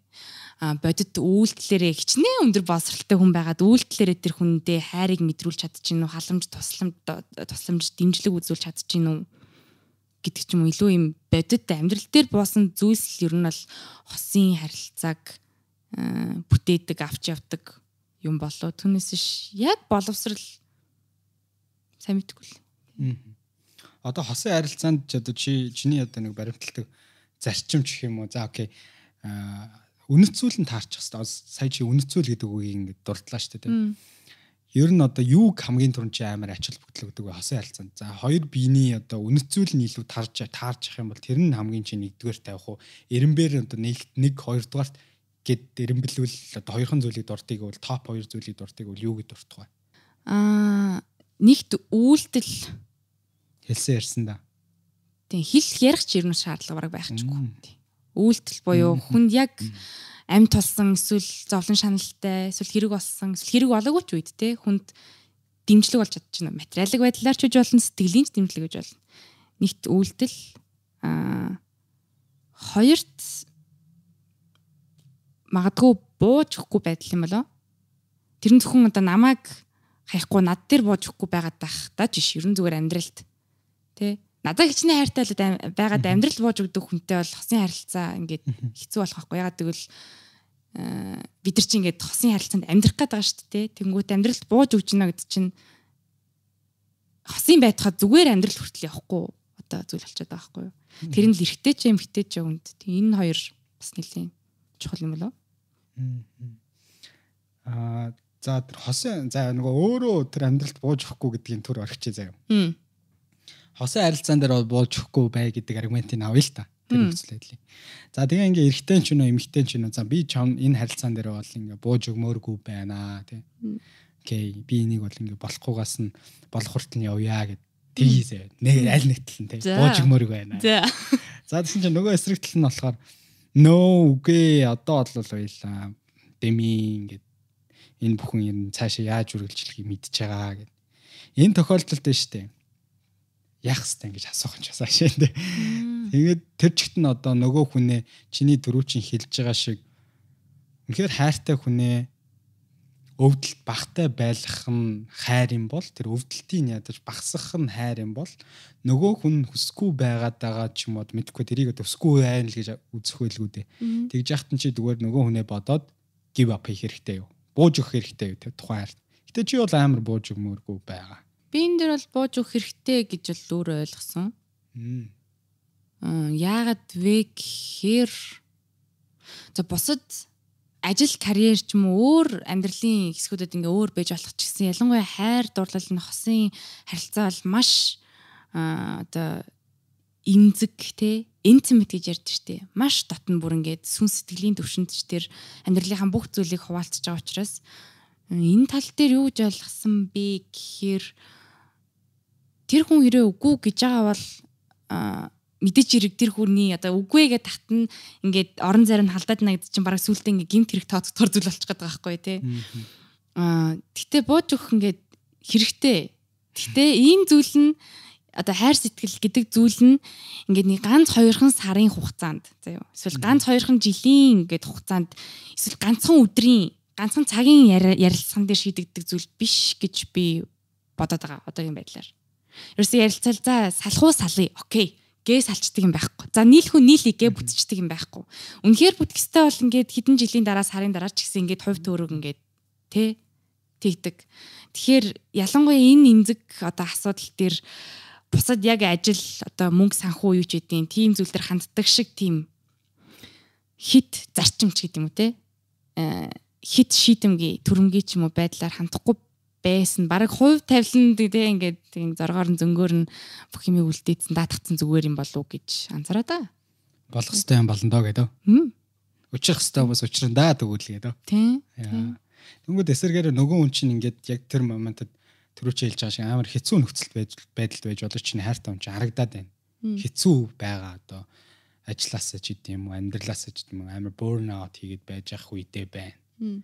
Тэр үед нь чи ингээд хамтах хэрэгтэй гэдгийг мэдрээд байгаа боловч тэр төрөмгийн шийдэмгийн байдлыг чинь ингээд үгүй дуужихгүй гэдэнгүүт аа нөгөө эсрэг хүсний хүн ингээд татгалзаад байна шүү дээ үгүй гэд.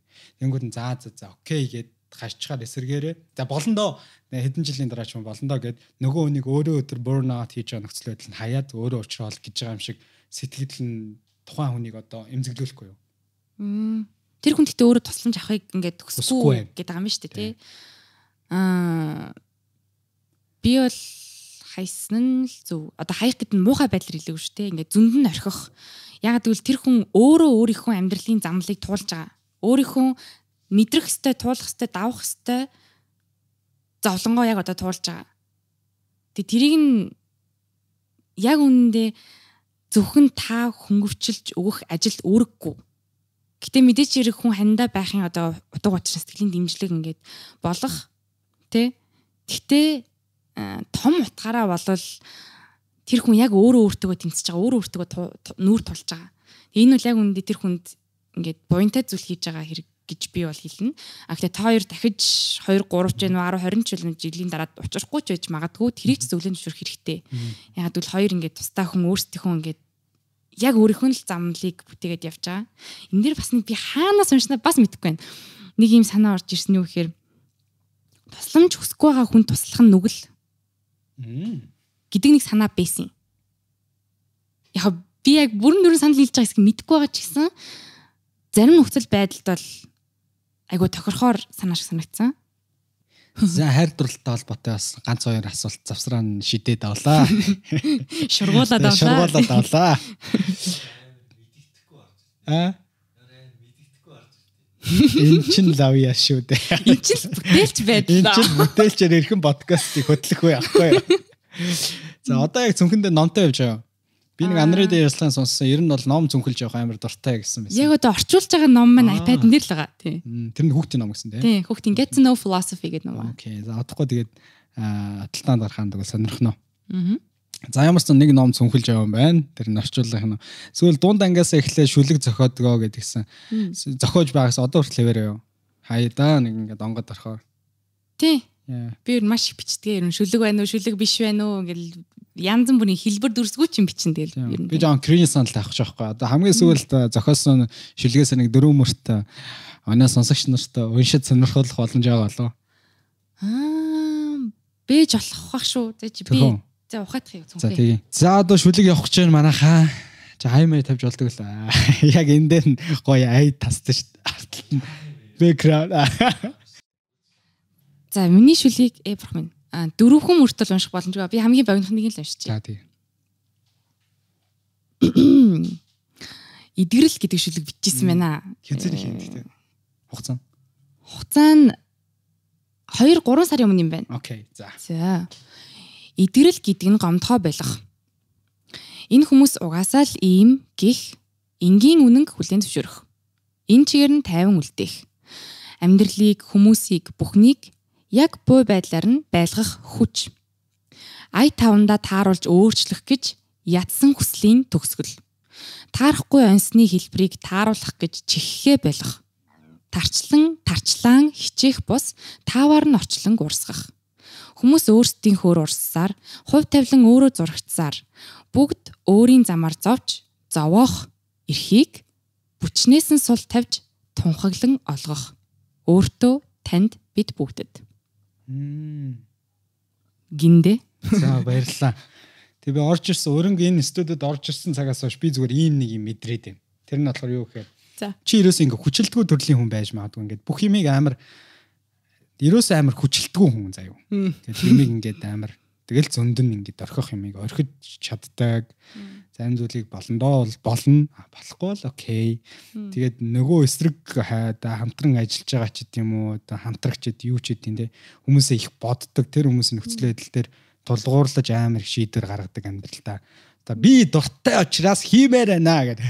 Би өнөөдөр хоол идмээр байгаа учраас чи надад хоол хийцүү биш те. Ерөнхийдөө тэгж өнөөдөр ганцаараа хоолмоор байгаа л хоолчий. Найз завгүй бол завгүй гэдэг юм. Easy. Амьдрал амар амархан, маш гоё хөнгөн амьдарч сурж байгаа хүн юм шиг асуурч байгаа чи би одоо. Тий, тий, өнөө үнэ. тий. Айгуу гоё хөнгөн амьдраад ингээд ингээд амьдрдаг хүн шиг надад санагдж эхэлж байна ингээд яриагийн сонсоолох нь айгуу хөнгөн. Ийм юм шүү эн чинь. Ийм байж болох юм аа. Энэ бас бясалгал юм зэрэг чиний амьдралын хэмээг амар нөлөөлдөг бах. Мм. Йога хийдэг, бясалгал хийдэг. Влогуудыг үзэхэдсэн амьдралын хэмээг амар гэрээ хүртэл тогтжуулж байгаа амар тийм өөртөө амар тайван тийм фэнси зүйлүүд байхгүй ингээл чимэглэл болсон ингээл брендлиг эндэ чи юм ингээл тэр нь өөрт нь амар баг ачаа өгдөг бах те. Тэг санагдлаа. Орж ирсэн цагаас хойш цаг Баярлалаа. цаг 10 цаг 20 минут ярилцах хугацаанд надад ийм анхны сэтгэл төрлөө. За дараагийн асуулт болохоор ийм байна. Амар олон юм хийж байгаа гэсэн шүү дээ. Одоо тэгтээ санхүүгийн шинжээчээр цаашдаа нь ажиллахгүй юм байна тий. Тэрийг бол мэдгүй одоогийн байдлаар бол тэр чинь. тий. Тэгээд Яагаад тэгэхээр чи нэгэнт бакалаврын эрдмийн эзэмссэн учраас хизээж гаргаж ирээд ашиглаж болно тий.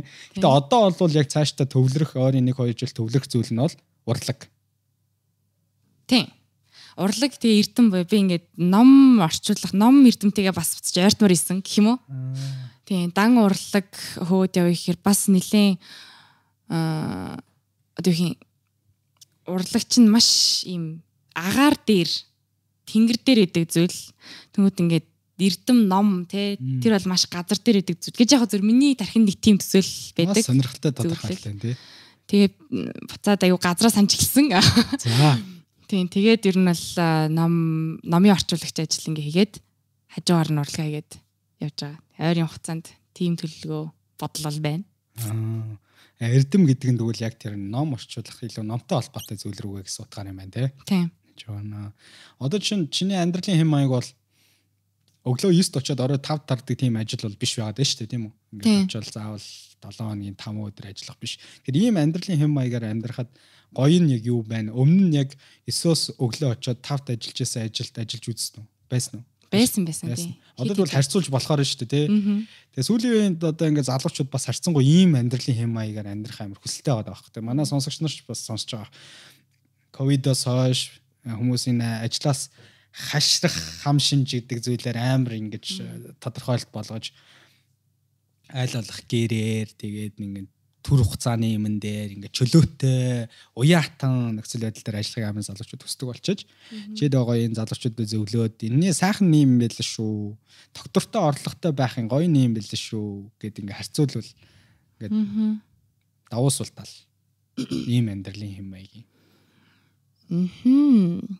За тийм. Энийг болохоор аа, зарим нэг нь alternative амьдралын маяг гэж хэлдэг те. Alternative lifestyle те. Ийм амьдралын маягийн гоё нь бол мэдээж хэрэг та өөрийнхөө цаг хугацааг удирдна. аа хизүүн гэвэл таал хөдлөхгүй бол юу ч хөдлөхгүй.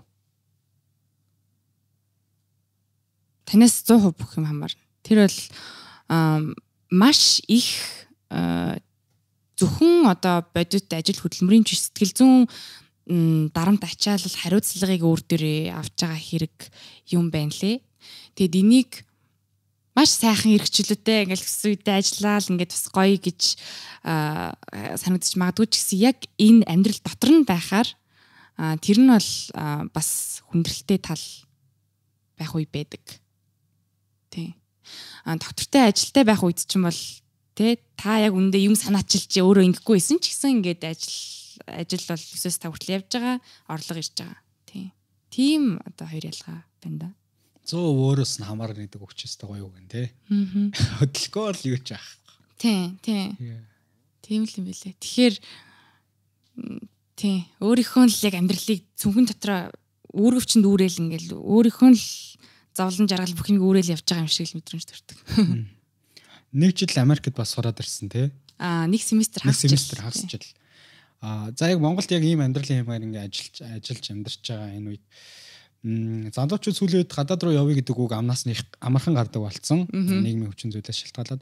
Одоо чиний хувьд Монголд амьдрахад сайхан амьдрах боломж хэр их байна вэ? Залуу хүний сайхан нин үг үзэл бодлоо нэг хэлээч. Аа. Сайхан амьдрах боломж хэр байгаа вэ Монголд? Боломж бол байгаа. Аа тэгтээ нөө chances are slim гэж ярьдэн шүү дээ. Айгуу тийм багал лимиттэй хязгаарлагдмал хязгаарлагдмал аа тийм боломж бол бас тийм илбэг нээлттэй гэж бол хэлэхгүй. Гэхдээ манайх амар өсөлтөн багтаа юм шүү би тийг санагдаад байдаг ш Монголд. Чи ингээд богино хугацаанд дээшээ гараад ингээд өөрөө од болоод ингээд яа гэвэл ямар нэгэн бизнес эхлүүл ямар нэг юм маш хурдан массыг хамардаг.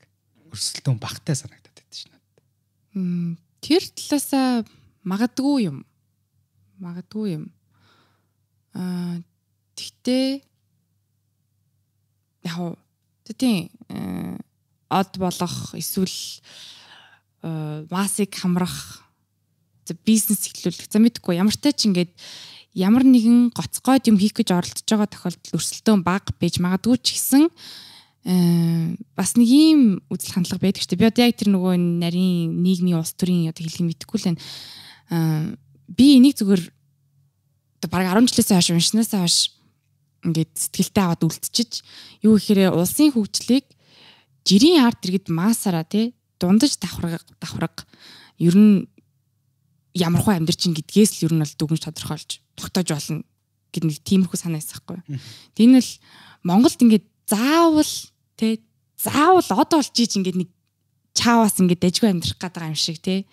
Гэтэл эн чин зүгээр хүн яг эзэмшсэн мэрэгжил эрдэмээ ашиглаад тогтмол доктортой сайхан ажиллаа хийгээд тэ сайхан хүний идэх хөстэй амьдрах аюулгүй байх тэ энэ эрхүүдээ идлээд гоё амьдрах ийм боломж бүрдсэн газар л одоо тэ сайхан хөвчлөлтэй сайхан боломж ихтэй улс гэх юм болов тий наа ч гоё тодорхойтой шүү сүүлээ ч хүн болгол нөгөө YouTube дээр контент хийгээл YouTube дээр Instagram дээр олон дагагчтай болох. Яг хүн болгоомж биш юм да. Цаанаасаа энэ дижитал өөрөө хэрэгцээ нь хүмүүсийг ингээд ингээд зах зээл нь хэрэгцээ нь байгаад байна л да.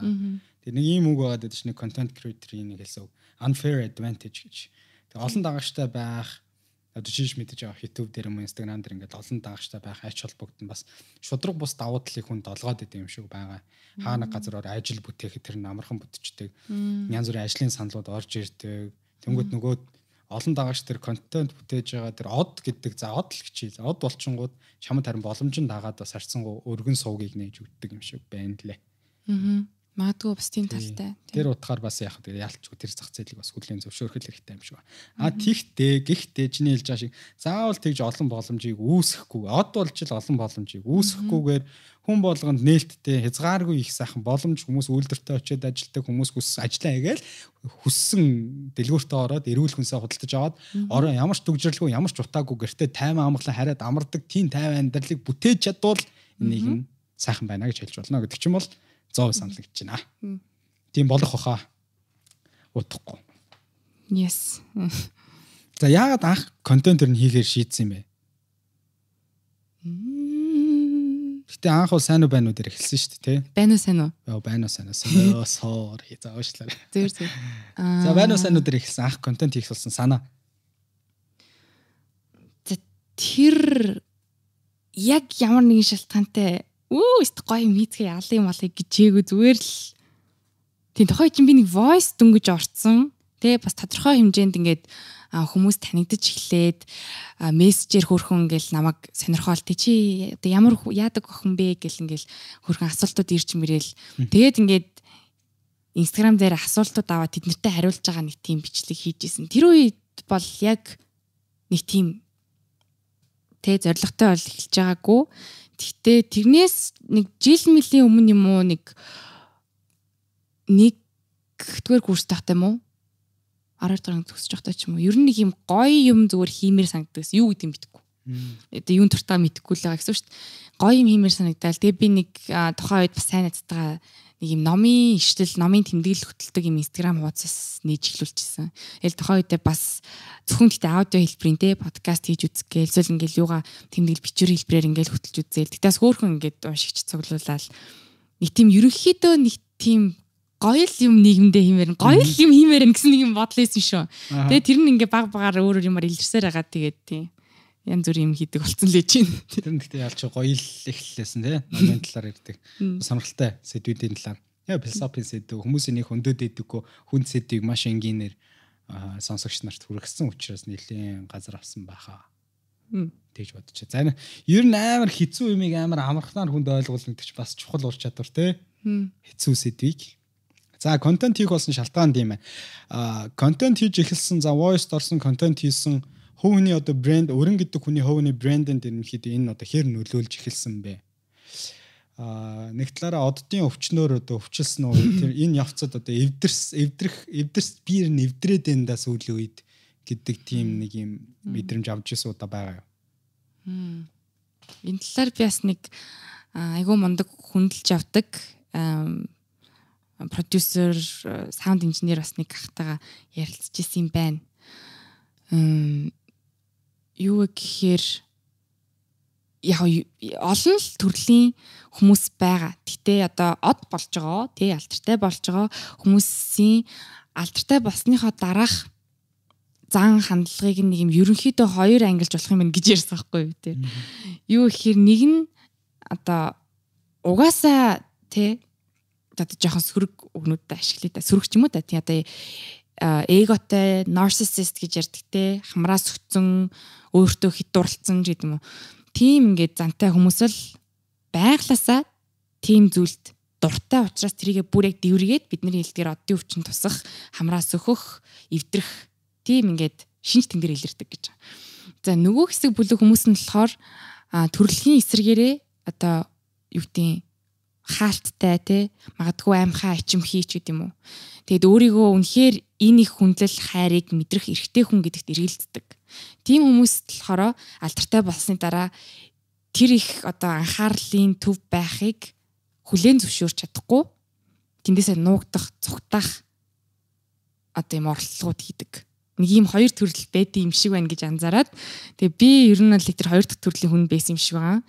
Яг яг мэдээч хэрэг нэг юм хаяа яг үндсэн байдлаар яг ингээд тийм жоохон нуугдах зүгтаах тий anxiety хөдлөх гэж ярьдэж төгших ч гэдэг юм уу нэг тийм байдлаар л одоо миний одоо дивчтэн тий илэрч байсан уу гэхээс зүгээр хаяа тий бас жоохон одоо гэдэг би бусад хүнээс ингээ зөвлөгөө авахгүйгээр өөрийнхөө хийж байгаа зүйлийг илүү сайн мэднэ гэсэн мэрцэр хандлагууд бол мэдээж гаргаж исэн. Ерөнхий утгаараа гэхдээ жоохон юм нуугдах гад идэг хандлагатай гэж магадгүй. Нуугдна гэдэг нь яг юунаас нуугдах вэ? Одоо энийх анхаарлаас хувийн орон зайгаа илүү эрхэмлэнсэн юм. Тийм. Тийм одоо Хэсэг мөртлөө чи контент тасралтгүй хийдэг шүү дээ. Дуугаа бол гаргадаг. Тэгэхээр чин ингэж нуугдах боломж байхгүй юм шиг яадаг. Чиний сонгосон зам чинь угсаа энэ одоохондоо энэ юм чинь. Тийм. Тэгтээ одоо зөгцөөд л одоо гэдэг миний хийж байгаа зүйл маань миний хийх хүсэж байгаа зүйл нь мөн. Гэтэ тэрнтэй дагалдаад одоо гэдэг би гудамжинд байж байхдаа танихгүй одоо хүнээс доромжлол ч юм уу те дайралт мэдрэхийг бол хүсэж ийм зүйл хийгээгүй шүү дээ те. Гэтэ зүгээр тэрнтэй ингээд дагалдаж ирдэг сайн ч вэ муу ч вэ ингээд бонусууд дагалдаж ирж байгаа. Тэднэртэйгээ одоо дийл хийж те тэднэрийнхээ учрыг олж менеж хийж амьдрах хэрэгтэй. Тэгэл зөвхөн Монголд одоо жижигхэн бич биш ингээл дэлхийн одод Америкийн одод ч гэсэн ингээл дуртай зүйлээ хийж байгаа. Гэтэ бүр мань битийнхаас илүү ингээд том асуудлуудтай тулгараал тэгэл тэднэртэйгээ тэмцээл менеж хийгээл амьдрч байна. Тийм. Өөрийнхөө хийж байгаа зүйлийг хитрхи их дэвэргэж ингэж сенсацлахгүйгээр алхам алхмаар хийхийг хүсэж байгаа зүйлээ удаанаар ч хамаагүй өөрөө хүсвэл тухайд нь хийгээл яваад ийгсэн амьдралын бэлсап байж болох юм тий. Хм. Наа чин санийх амир рандом байсан уу? Рандом бодлоо эсвэл Гэхдээ тэгж л би бодлоо шүү. Вэ? А тийм үү? Тим тийм үү? Тим гэсэн үг үү? Одоо шин зарим хүмүүс чинь нэг маш богино хугацаанд тэсэлт хийгээд ингээд нэг ингээд од болох эхлэл нь тавигдсангууд за энэ моментийг л ашиглаад байгаа одоо мас над руу нэгэнт хандарцсан байгаа дээр ашиглаад авыг хэд улаарчдаг штэ. Тихгүүгээр ингээд айжмаар явдаг хүмүүс байдаг аахгүй ингээд. Одоо бит хоёр 7 жил энэ подкастыг хийж байна. Тэгээ бит хоёрыг бол мэдхгүй хүмүүс зөндөө байгаа. Одоо чиш мэдгүй штэ. Тэгээ 7 жил бит хоёр яагаад тэгэхээр ингээд аим сенсацлал богино хугацаанд од олъё гэж хүсээгүй, богино хугацаанд хүмүүс төрье гэж хүсээгүй. Зүгээр чиний хэлж байгаа хийхийг хүссэн гоё юм хиймээр санагдсан л ахлаа 17 17 4 жил 7 жил дунд нь яг ковид мөдөг 2 жил засарсан гэж. Тэгэхээр энэ өөрөө намайг амар тайван байлгад юм шиг. Яа тэгэхээр маш олон хүнд гинт танигдааг байхгүй юу? Гинт танигдах чи амар аюултай юмсан санагдсан. Яа тэгэхээр намайг хүмүүс шууд тэр гин нэг удаагийн ивент буюу нэг удаагийн тохиолдлоор л таньчихж байгаа учраас тэгээд дүгнчих гээд идэг байхгүй юу? Тэгэхээр 5 жил алдаатай оноотой таймг сонсцсон хүмүүс таймна хараалын үг хэлдэг таймна тэр амар агрессив таймнаас тэ зарим подкастер ингэдэг таймна ч амар новши алдаатай оноотой нэг надад амар хөнгөн байдаг байж магадгүй л. Тэгээд би чамайг бас ингээд удаанаар ингэдэг баг. Чиний дуунууд чи ингээд байн гараад байдаг өстө 7 хоног болгон тий. Зарим хадлгооч чи тий. Тоглолтоо хийлээ гэснээр 7 хоног. Өдөр болгоо нэг дуунууд игээд байдаггүй өстэй. Байж байгаа л нэг чанартай нэг гарч ирдэг л гэж боддоо шүү дээ. Тий яха ерөнхийдөө тий. Амар юм богино хугацааны биш. Ер нь бүр хитийн л одоо тий. Ер нь нэмийг аягүй томоор нь харах дуртай. Би бол томоор нь ер нь яг миний мөн чанар юу вэ гэж хэлсэн ш тий яагаад нэг хийх гээд байгаа? Одоо болох хэрэг хэрэг байгаа мó яг яг юу хийх гээд байгаа тий тэгэнгүүт яагаад юу хийх гээд байгаа? Миний дотоод мөн чанар хин бэ? Юу хийх зорилготой вэ гэдэг ч юм ингээл тэр асууд асуултуудад ингээл хариултаа баг баролол хариултуудаа хэрэгжүүлээл энэ бүхэн чи яг өөртөө үнчээр юм хийнэ гэдэг чинь маш их цаг хугацаа авдаг шүү дээ чи бас өөрөө ингээд мэтгэл юм шиг байна цааны сонссоор тий. Гадралнаа гэж. Тий тэгэж сонсогдлоо. Тий тэгэхээр тэр талаар хоёлаас тэгэж магадгүй л тийм байна удаанаар ингэж явдаг хүмүүс бас байгаад байна тий. Төр хугацааны моментыг ашиглая гэж чичрээд байхгүй. Яа За хэрэг шоудж гин стресс тэгээрээ стрессээ яаж тайлж гин хоёул хоёулаа 4 7 хоногийн өмнө контент таарлаа 5 7 хоногийн өмнө тэгсэн тий. За тэгээд шоудгүй гэж хэлэх юм бол бодлоо алчих гэдэг. Нэгэнт баригдсан шүү гэж. Нэгэнт баригдсан. Стресс тэгээрээ ерөнхийдөө яаж за бясалгал йога хийх ч юм уу энэ амьдралын хэм маяг ч юм бол нэг стресс тайлах нэг хүчин зүйлсэнд яг зүгээр би онцгой зүйлүүдийг ингээ асууж байгаа шүү. Өдөр болго хийдэг зүйлээр тэр чинь амьдралын юм аа шүү дээ. Аа. Тийм онцгой юм байна уу? Стресс тэгээрээ хийдэг. Аа Аа, шоудгийн хувьд шоудна. Гэтэ бас одоо нөгөө төрүний нөгөө anxiety төгшил гэдэг асуудлаас болоо шоудах маань ингээд маш холгол зайтай. Гэтэ нэг гарахаараа ингээд найзуудаараа цүм те заавал бүгдээрээ гардаг ч юм нэг тиймэрхүү байдаг. Аа, өөр онцгой тохиолдол юм бол би ер нь их уйлахыг их дэмждэг хүн. Уйлахын төлөө дуу хоолой өргөдөг хүн байгаа. А гэтээ сүүлийн үед нэрээ бүр хідээс сүүлд байсан санахгүй байна. Яг их гайгүй л юм шиг. Гэтэ ингээд нэлээд хитэн 7 хоног ч юм уу сар ч юм уу хадгалсан байж байгаа юм шиг байна. Тэгж жагаад гинт би юм бичиж явахтаа ч юм уу те яг өөрийнхөө яг үннийг ингээд анх удаага нэг шиг үннийг анх удаага бичих момент бас амар. Тэг яг өөртөө тэр үнний хүлэн зөвшөөрөх моментд ингээд маш их асгартлаа ойлгох ч гэдэг юм ба те. Ойлгох бол бас тийм онцгой үед те стрессээ тайлах тийм нэг зүйл. Яа, Би энэ подкастын нэрийг ямар нэр өгөх олчлоо. За. Уйлахыг дэмжицгээе. Эрэх чөлөөтэй уйлцгааш ч юм уу. Яа, би яг ингэж өгнө. Яагаад? Энийг угаас подкастын төгсгөл юм чи хүмүүс Угаасаа төгсгөл хүртэл сонсож. Эхлээд ингээд дарцсан баг штэ. Тийм. Тийм. Яа, наад чи өгнө би. За, уйлах хэрэгчлөө. Оо, энэ ямар гоё нэр вэ? Уйлах хэрэгчлөө. Уйлах эрхийн төлөө гэж үү? За, окей. За, яриаг нь дуусгая. Тийм. Тэгэхээр тийм л энэ да уйлах бол Тэгэхээр уйлж стрессээ тайлдаг гэсэн үг юм. тийм миний хувьд хамгийн Нэг бол найзууд октоудаараа нэг удаа бот авдаг. тийм бот аавна. Тийм. Тийм л энэ да Яа, die стрессгүй амьдрал гэж байх тий, тий. Байхгүй штэ. тийм. Өөр тохирох асуудалтайгаа сайхан өөрчлөх хэрэгтэй юм шиг. Стресстэй амьдрал сайхан сайхан. Архаг болчихгүй бол. Архагшаад байвал тэгээд нөгөө клиникийн сэтгэл готрал гэдэг рүү н очих байхаа л гэж бодож байна. За ерөнхийдөө подкаст маань дуусах тал руугаа нэлээд орлоо. Тэгэхээр хамгийн сүүлийнхээ асуултыг би хамгийн дуртай зүйлтэй нь холбож асуугаад дуусгая гэж бодож байна. Дуу хөгжим. Энэ бол өрнгийн амьдралын салшгүй нэг хэсэг баха гэж бодож байна. Тэгэхээр дуу хөгжим ингээд хийх одоо сүүлийн дуу бол амар гоё дуу байлаа ш. Тэгэхээр дуу хийх тэр хүсэл, гал хүсэл, ирмэлцлий чинь юу бадраадаг вэ? Сонсогч нарын тэр олон алга тушилт гоё комментууд чинь дараагийн дууга хийх сэтлийг чинь өгд юм уу? Яг дууга хийх тэр момент чинь чи бүр жаргад юм уу? Дууга хийж дуусчаад гарахаас өмнө сонсох момент нөгөө хайртай хүмүүстэй зориулж хийдэг. Мм. Ээ, миний байгаа сонирм юм болоо За, заа. энгийн байж болно шүү дээ. Би аймаас өстө асуусан. Гүлтэй зүгээр Тийм, би ер нь альва бүтээл зөвхөн дуу хөгжимч гэлтгүү те альва бүтээлийн үнц нь гоо үзэсгэлэн зүгээр түүнд өөрт нь л оршдог гэж боддог. Тийм, тэгээд дуу ингээ хийцэн байлаа гэхэд тэрийг хүн сонсож байгаа нь эсвэл хин нэгэн ээж аав найз нөхөд сайхан үг хэлж байгаа нь эсвэл ер нь ямар нэг юм өөр одоо хүчин зүйлээс хамааралгүйгээр үн цэнтэй зүйл бол ингээ өөрөө зүгээр үн цэнтэй байж идэг. Тэгээ тэр зүгээр дуу бүтцэн ингээ байгаа нь л ингээ амар гоё. Тэгэл байж л байгаа тэгээд нэг тийм зүйл бүтээж үлээ. Тэ зүгээр байгаа нь л одоо оршихуун хамгийн чухал үн цэнтэй мэдрэмжийг төрүүлдэг. Окей. Манлаа асуулт асуух уу? Сүүлийн асуултыг чонд үлдээ. За.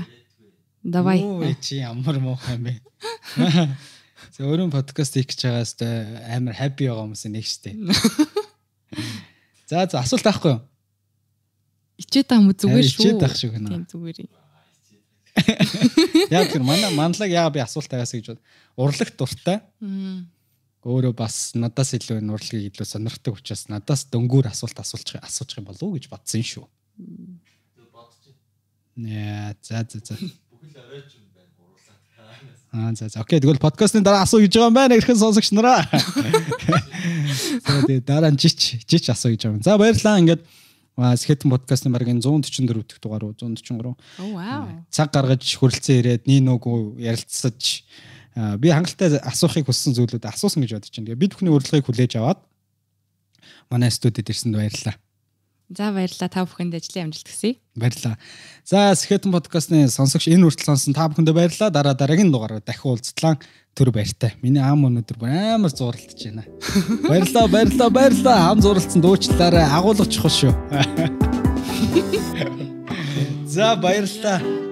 За энэ удаагийн дугаар та бүхэн таалагдсан гэдэгт итгэлтэй байна. Би нөгөө л нэг хэлдэг зүйлээ та хэдэд хэлэх гэж байна. Тэгээ энэ удаагийн дугаар таалагдсан бол дараа дараагийн цоо шинхэн дугааруудыг цаг алдалгүй сонсохын тулд хагасаа өдөр болгоны оройны 6 цагт орж байгаа шинэ дугааруудыг манай Skeleton гэдэг YouTube сувг дээрээ цаг алдалгүй та хэдийг сонсоосоо гэж хүсэж байна. Тэгэхээр Skeleton YouTube сувгийг ороо subscribe дараарай. Тэгээ Skeleton-гийн Instagram хуудас руу ороод follow хийгээрэй. За тэгээд мэдээж аудио байдлаар яг энэ мэтлэн сонсохыг хүсэж байгаа маш олон залуучууд байдаг. Жинхэнэ подкастыг подкаст гэдэг утгаар сонсохыг хүсэж байгаа бол шинэ 7 хоног болгоны өглөөний 7 цагт нэгтгэх өдөр нь бол шинэ аудио байдлаар шинэ дугаарууд нь ороод авчиж байгаа. Тэгэхээр enjoy зугаатай, ажралтайгаар дараа дараагийн цоо шинхэн дугааруудыг сонсоосоо гэж та бүхнээс хүсэж байна. Тэгээ энэ цаг мөчид энэ дугаарыг сонссон та бүхэнд маш их баярлалаа. Тэгээд өдрийг сайхан өнгөрүүлээрэ унтах гэж байгаа бол тавтай сайхан амнаарай гэж хүсэж байна. Дараа дараагийн дугаараар дахин уулзлаа. Түр баяртай залуусаа.